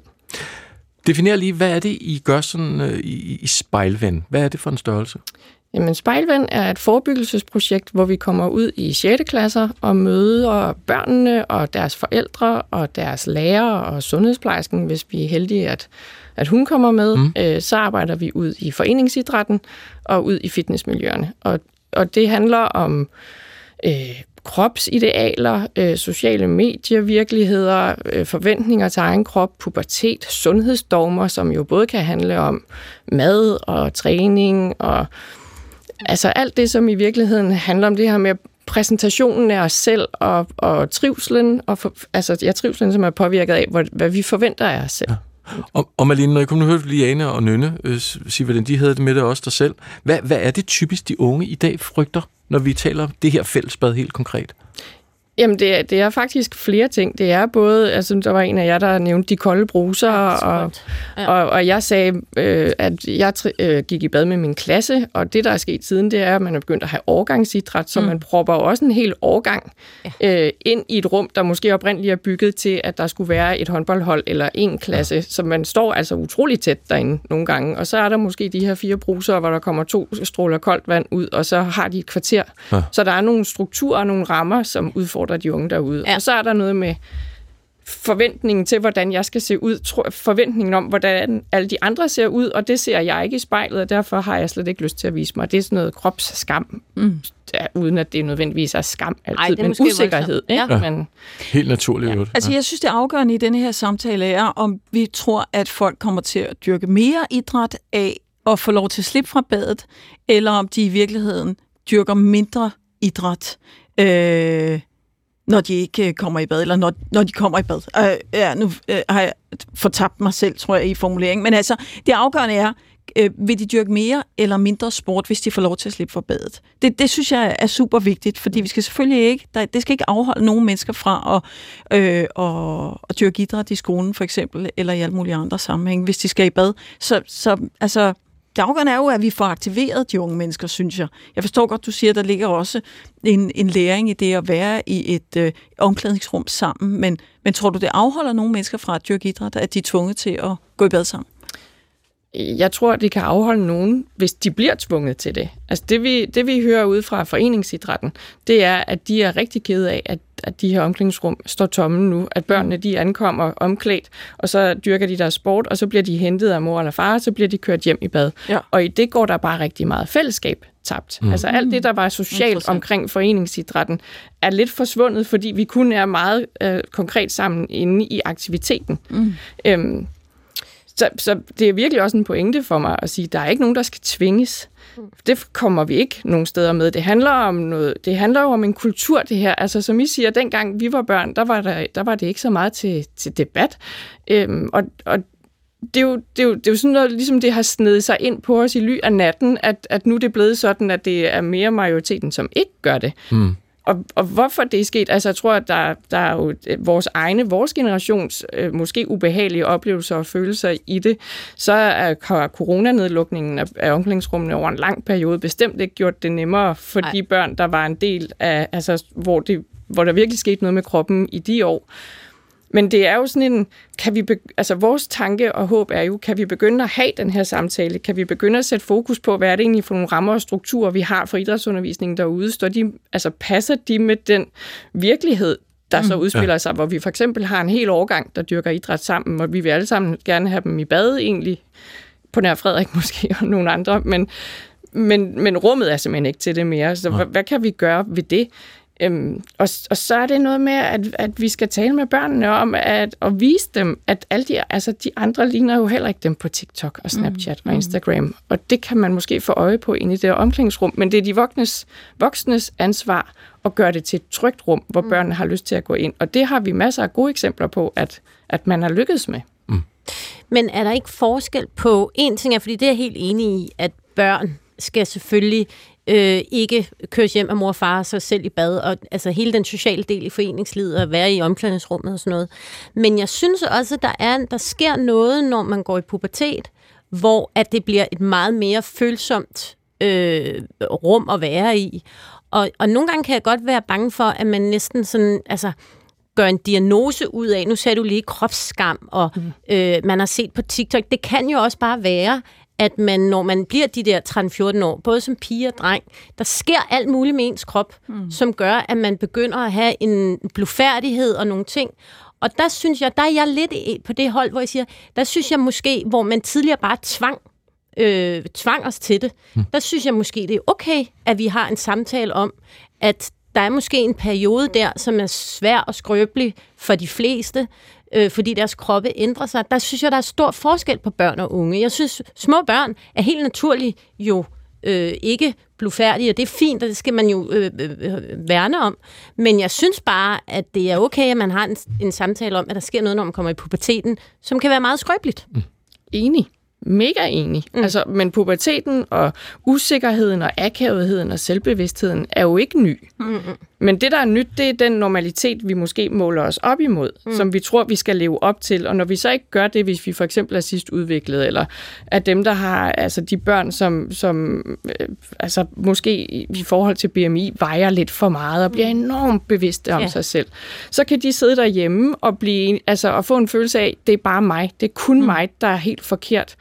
Fordi alle dem, jeg kigger på, de ser så rigtige ud. Mm. Men hvis de kommer ind i det der omklædningsrum og bliver passet på af de voksne, mm. altså det er jo virkelig en pointe, mm. Så vil de jo få lejlighed til at se, at de måske ikke adskiller sig så markant fra alle andre, at de i virkeligheden ja. på mange måder jo er lige så rasende normale, som mm. de andre børn i Ja. rummet. Og det er stor Jesper, må jeg lige tilføje, vi skal lige huske, vi snakker om to forskellige ting her. Ja. Vi snakker om folkeskolen og idræt i folkeskolen, mm. hvor man faktisk kan stille et krav om, at folk gør det. Og så snakker vi om foreningslivet, hvor man jo ikke kan stille krav om det, men hvor der kan være et socialt tab i, at man ikke bader sammen og ikke er i omklædningsrum sammen. Ja. Det var bare det. Men Det er en god pointe. Men lad os lige få sluttet af, fordi vi, vi er ved at ramme øh, målet, Malene. Mm. Hvad gør vi ved det? For I går ud, I gør noget for 6. klasser, I taler, I får reaktioner. Hvad gør vi ved det? Hvad gør vi voksne forældre ved det her? Øh, Og forældrene, de... Ja, eller altså, hvad gør vi ved det her? Ja, men der er så mange, der kan gøre så meget. Hvor lang tid har vi? Ja. Øhm, Et minut. altså, for, det er jo bare altså, en helt generel forældreopgave at tale med børnene om, at det, der sker pubertet, er smadret svær og fyldt med usikkerhed og øh, selv... Øh, ja, at man bliver... alt u- det der, Ja, ja. selvbevidsthed. Ja. Og, og det der med, det, du kan være stensikker på, at sådan som du har det, sådan har dine klassekammerater det er jo også. De er jo præcis i gang med det samme hormonelle stormløb på hele systemet, så der, er- du er ikke mærkelig. Du er ikke en freak. Og så kan man jo, altså strukturelt, netop som jeg sagde før, øh, være bevidst om, at det rum, vi sender dem ind i, er Ja. ja. det altså lavet til det? Er, det, er der øh, brusere nok? Mm. Er der, hvor mange mennesker propper vi ind i det der rum, som skal stå Er der altså, vand? og tage tøjet af, numse mod numse næsten, ikke? Fordi der er for lidt plads. Ja. Har de tid nok? Er der et spejl, så man kan føle sig sikker på at gå ud igen? Og så er der bare altså, sådan nogle helt generelle telefoner må aldrig komme ind i det rum. Nej, Øhm, ingen vi har hørt masser af gode eksempler på, altså alt efter alder, til at gøre rummet hyggeligt. Sæbebobler, vandpistoler, en højtaler er et kæmpe hit rigtig mange steder, fordi det ligesom ja. Ind med en soundbox, giv den gas. og Ja. så kan de danse og synge sammen, og så er det faktisk smadret hyggeligt. Mm. God bud. Rigtig god bud, og hvis man vil læse mere, så kan man altså gå ind og finde jer. Spejlven, øh, ansvarlig var det her, seniorkonsulent Malene Radmar Johannesson. God arbejdsløst. Jo, tak. Hold da op, hvor tiden går. Øh, vi er nået til sidste gæst. Ja. Det er din. Det er det.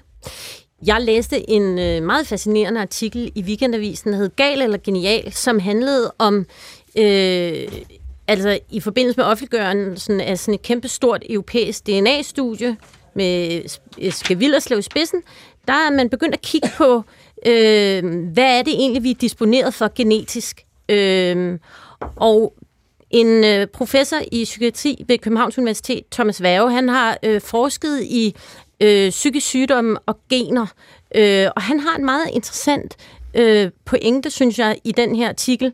Han siger, at øh, hvis man foretog det tankeeksperiment, at man begynder at fjerne de genvarianter, der disponerer for skizofreni, vil vi få en meget kedeligere verden, for så vil vi fjerne kreativiteten fra mennesket. Det er en helt andet syn på skizofreni, end jeg er blevet præsenteret for før. Det blev jeg meget fascineret over. I begyndelsen han taler også om, hvordan autisme hænger sammen med høj intelligens, hvordan øh, bipolare diagnoser øh, tit øh, rammer mennesker, som også kan være enormt fortagsomme. Mm. Så altså, det, er en, det er en helt anden vinkel på, på psykisk øh, sygdom eller psykisk øh, øh, tilstand, som, som, som jeg læste om der. Derfor har jeg inviteret Lone Frank. Velkommen, Lone. Jo, tak.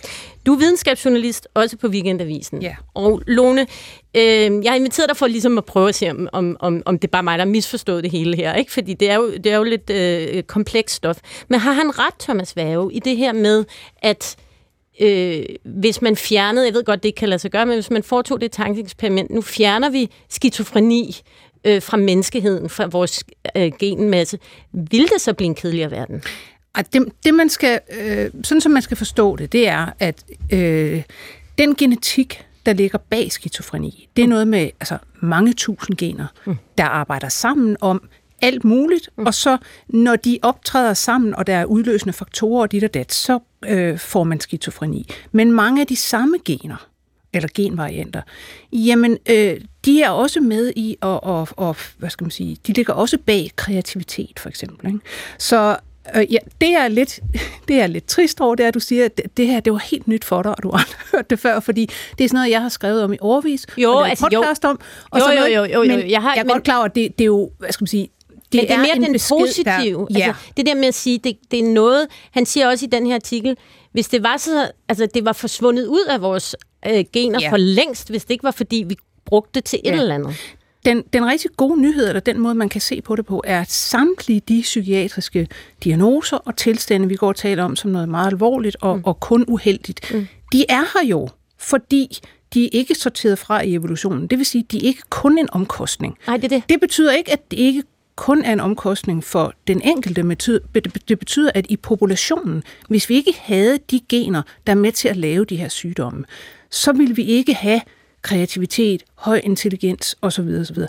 Det, som Thomas Werge også øh, på et tidspunkt sagde til mig, da, da jeg talte med ham, det var det her med, jamen du kan, du kan også se skizofreni eller autisme som et eksempel på for meget af det gode. Mm. Det vil sige, du har simpelthen så mange af de her gener, at det til sammen er for meget, at det kammer over mm. øh, til, at det bliver enten altså, skizofreni i stedet for høj kreativitet, mm. eller autisme i stedet for høj intelligens. Mm-hmm. Jeg har, øh, eller vi har talt med øh, forfatteren Anna Jul.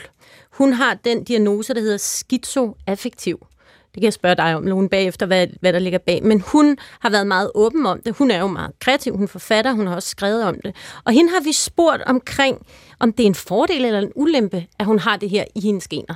Prøv at høre, hvad hun Fordi jeg jo selv aktivt har valgt at skrive meget om min psykiske sygdom, fordi det lidt er mit tema, så var der, tror jeg, lidt et hul i markedet for sådan en lidt morsom øh, psykisk syg. Så på den måde, altså, jeg ville jo ikke kunne have skrevet øh, de bøger, jeg har skrevet, og ville ikke deltage i den offentlige debat som en eller anden form for psykiatriforkæmper nok, hvis jeg ikke selv var psykisk syg. Så på den måde vælger jo lidt en fordel, fordi man jo så har noget at skrive om. Lidt en ulempe, vil jeg sige, det der med, når man efterhånden, jeg fik lavet sådan en kognitiv funktionsundersøgelse for nogle år siden, hvor de bare var sådan lidt, din hukommelse er fucked, din koncentrationsevne er fucked. Og det kan jo godt gøre det lidt besværligt, hvis man eksempelvis har en deadline. Øhm, men sådan rent i forhold til, om, om sådan den, min diagnose hjælper mig kreativt, det er jo umuligt for mig at vide, for jeg ved ikke, hvordan det havde været uden den. Øhm, men, men der tror jeg da også, at man, jeg er i hvert fald godt uden at sove mig selv eller andre, så kan sige, at jeg nok tænker på en anden måde, end det, man har vedtaget er øh, normalen. Hmm. Så hun er jo et eksempel øh, på et menneske, der ligesom øh, har, jeg ved ikke om, om skizoaffektiv lidelse, det, det er sådan, det ligger op af skizofreni, men er, Ja. er lettere eller er mindre? Ja, du kan sige, hun har, hun har en skizoid træk. Ja. Øh, og, og hvad det hedder... Jeg synes, hun, hun udtrykker det meget, meget godt på den måde, at hun siger, jamen, øh, det har jo helt klart spillet en rolle for det, hun faktisk i praksis laver. Mm. Øh, selvfølgelig er der også nogle, øh, der er nogle ulemper i det. Ja, det er svært at have nogle af de der øh, diagnoser tilstande. Ikke? Men du får også, i og med at du har dem, så har du også nogle oplevelser, som jo gør dig til den, du er. Og er med til at gøre blandt andet, at, som hun også siger det lige ud, hun ser måske verden på en anden måde. Og det er jo det, når man siger kreativitet, eller øh, at lave noget usædvanligt, og noget, der ikke bare sådan bliver spyttet ud af, af os alle sammen, jamen det er fordi, du er et usædvanligt menneske. Ja. Og mange usædvanlige mennesker, de har jo, det, det er sådan ligesom i sagens natur, de, øh, de har simpelthen noget, en, noget interessant i deres psyke, noget anderledes end en porositet, eller en, altså en masse antenner, eller de kommer ud i nogle følelsesmæssige områder, som øh, mange af os andre måske ikke gør. Og der henter de så et eller andet, som de faktisk kan bruge til at skabe interessante ting. Man ved jo også... Men må jeg lige spørge, er det bare noget, vi står og snakker om her, eller, eller er der faktisk, når man kigger på statistikken, en overvægt af folk, ja. der har psykiske lidelser blandt ja. øh, magnater inden for kunst og kultur, øh, forskning og andre ting, som ja. kræver kreativitet? Altså, der, der, er er der masser holdpunkter for at faktisk, sige det? Øh, ja, ja. Altså, det, det er undersøgelser, der er masser af dem, de går langt tilbage og viser det her med typisk... Hvem, hvem, hvem var skizofren? Jamen, det er ikke, nej, det er ikke sådan, du skal se på det som, at du ved, at skizofrene bliver kunstnere, eller det ene eller det andet. Nej, Det men jeg mener, er der nogle i- kendte kunstnere, der var skizofrene, for eksempel? Jeg tror ikke, der er mange... Altså, nej, altså, når, når vi siger altså, skizofren, det er ofte en, en, en meget alvorlig sygdom at have. Mm. Og det er altså ikke, at du, du kender Overtachi for eksempel, men, mm. men altså, det er sådan lidt specielt, ikke? og han var nok ikke blevet kendt, hvis ikke han havde den mærkelige historie med skizofreni mm. og så Det er ikke sådan, at, Det er at ham, du bliver en stor kunstner Ja. af at have skizofreni. Mm. Men du ved fra masser af undersøgelser, at i øh, hvad det hedder, meget kreative mennesker er ofte øh, hvad det hedder, i familier med, øh, hvor der er for eksempel mange skizofrene. Mm-hmm. Altså fordi, at der, ja, der er så i de her familier masser af de her gener. Nogle af dem kommer så ud i et individ, kan man sige, hvor de får for mange af dem. De bliver skizofrene. Det gør dem ikke til kunstnere, men deres fædre, eller deres søstre, eller deres brødre bliver kunstnere, fordi de har lige præcis nok, men ikke for mange. Ja. Og, og det er den der fascinerende balance mm. mellem, altså netop ikke for meget, men heller ikke for ja. Ja. lidt, som er interessant, synes jeg, at hvor at vi måske tidligere har talt, vi- det hedder også en psykisk lidelse, Ja. altså at vi har talt om det som noget meget dårligt, som vi skal prøve at se, om vi kan få væk og få Ja. ud og bekæmpe, Ja. så er det jo interessant det her med, at lidt af det, eller noget af det, er faktisk positivt. Ja, på populationsniveau er det glimrende, øh, og man kan også sige, at, at for mange øh, af os, som lider af psykiatriske sygdomme, tilstande, hvad vi vil kalde det, øh, altså om det så er depression eller angst eller hvad, der er jo masser af kunstnere herhjemme, der har talt om deres depressioner, deres angst, mm. deres det ene og det andet. Ikke? Og det, det er ikke, fordi de sidder og producerer en masse, mens de er angste og mens de har depression.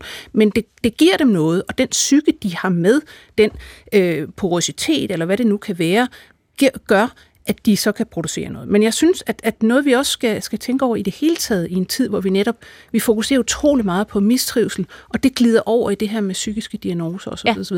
Alle de her diagnoser, det er noget, vi, hvad skal man sige, som findes på nogle skalaer, mm. som vi har træk af alle sammen. Mm. Og det er alt sammen noget, som findes i vores populationer, fordi der også er noget godt ved det på populationsniveau. Mm. Og jeg tror også alle sammen, vi skal, øh, os som går og lider af ting og sager, skal sige til os selv, det her er aldrig kun dårligt. Nej, det er det. Altså, øh, blive ven med din, hvad skal man sige, din tilstand, eller hvad det nu er. Ja, eller, eller tænk på det som noget, ja. der ikke udelukkende Nej, er dårligt. det er synes også noget, der giver dig noget, Ja. ikke? Ja, ja. uden det positive.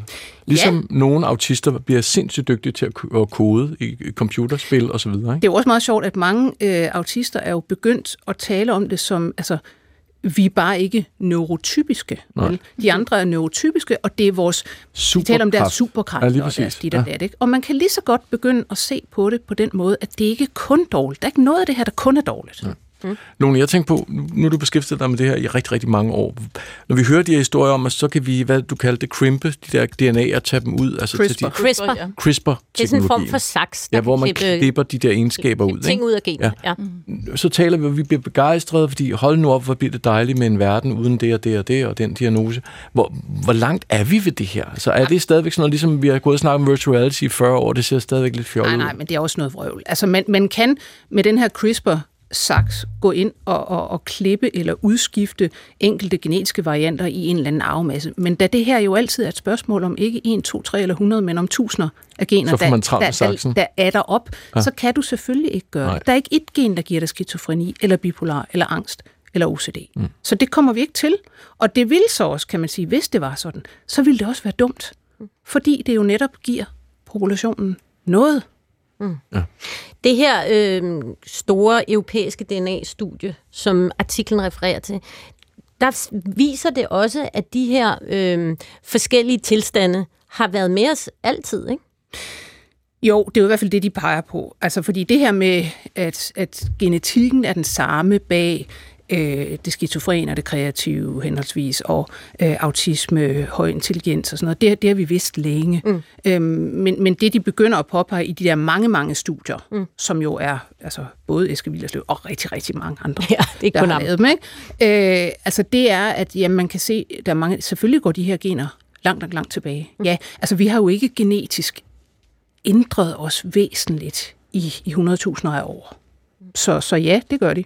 De har været med os, øh, og de har, altså nogle af de her gener, er selvfølgelig, de har været med til faktisk at gøre os til mennesker, kan man jo sige. Ikke? Ja. Altså hvis de står bag både vores kreativitet, vores særlige måde øh, at, at bygge hjerner på og alt det her, så, så vi vil ikke være den art, vi er uden de her. Nej, altså blandt andet peger man jo også på, at, at, at det at være bipolar jo også gør, når du er i din, den, den, den maniske, Maniske fase, fase, at du ja. er ekstremt fortagsom. Ja. Det kan jo også der, at man har rykket fremad som menneskehed. Man kan sige, altså øh, Grundtvig, som vi jo hylder herhjemme, han havde ikke været noget uden sin, sin, sin, sin maniske faser. Det var der, han lavede det hele. Det, og det sidder vi og synger hjerteligt med på ja. hver søndag, nogle af os. Nogen gør. Ja.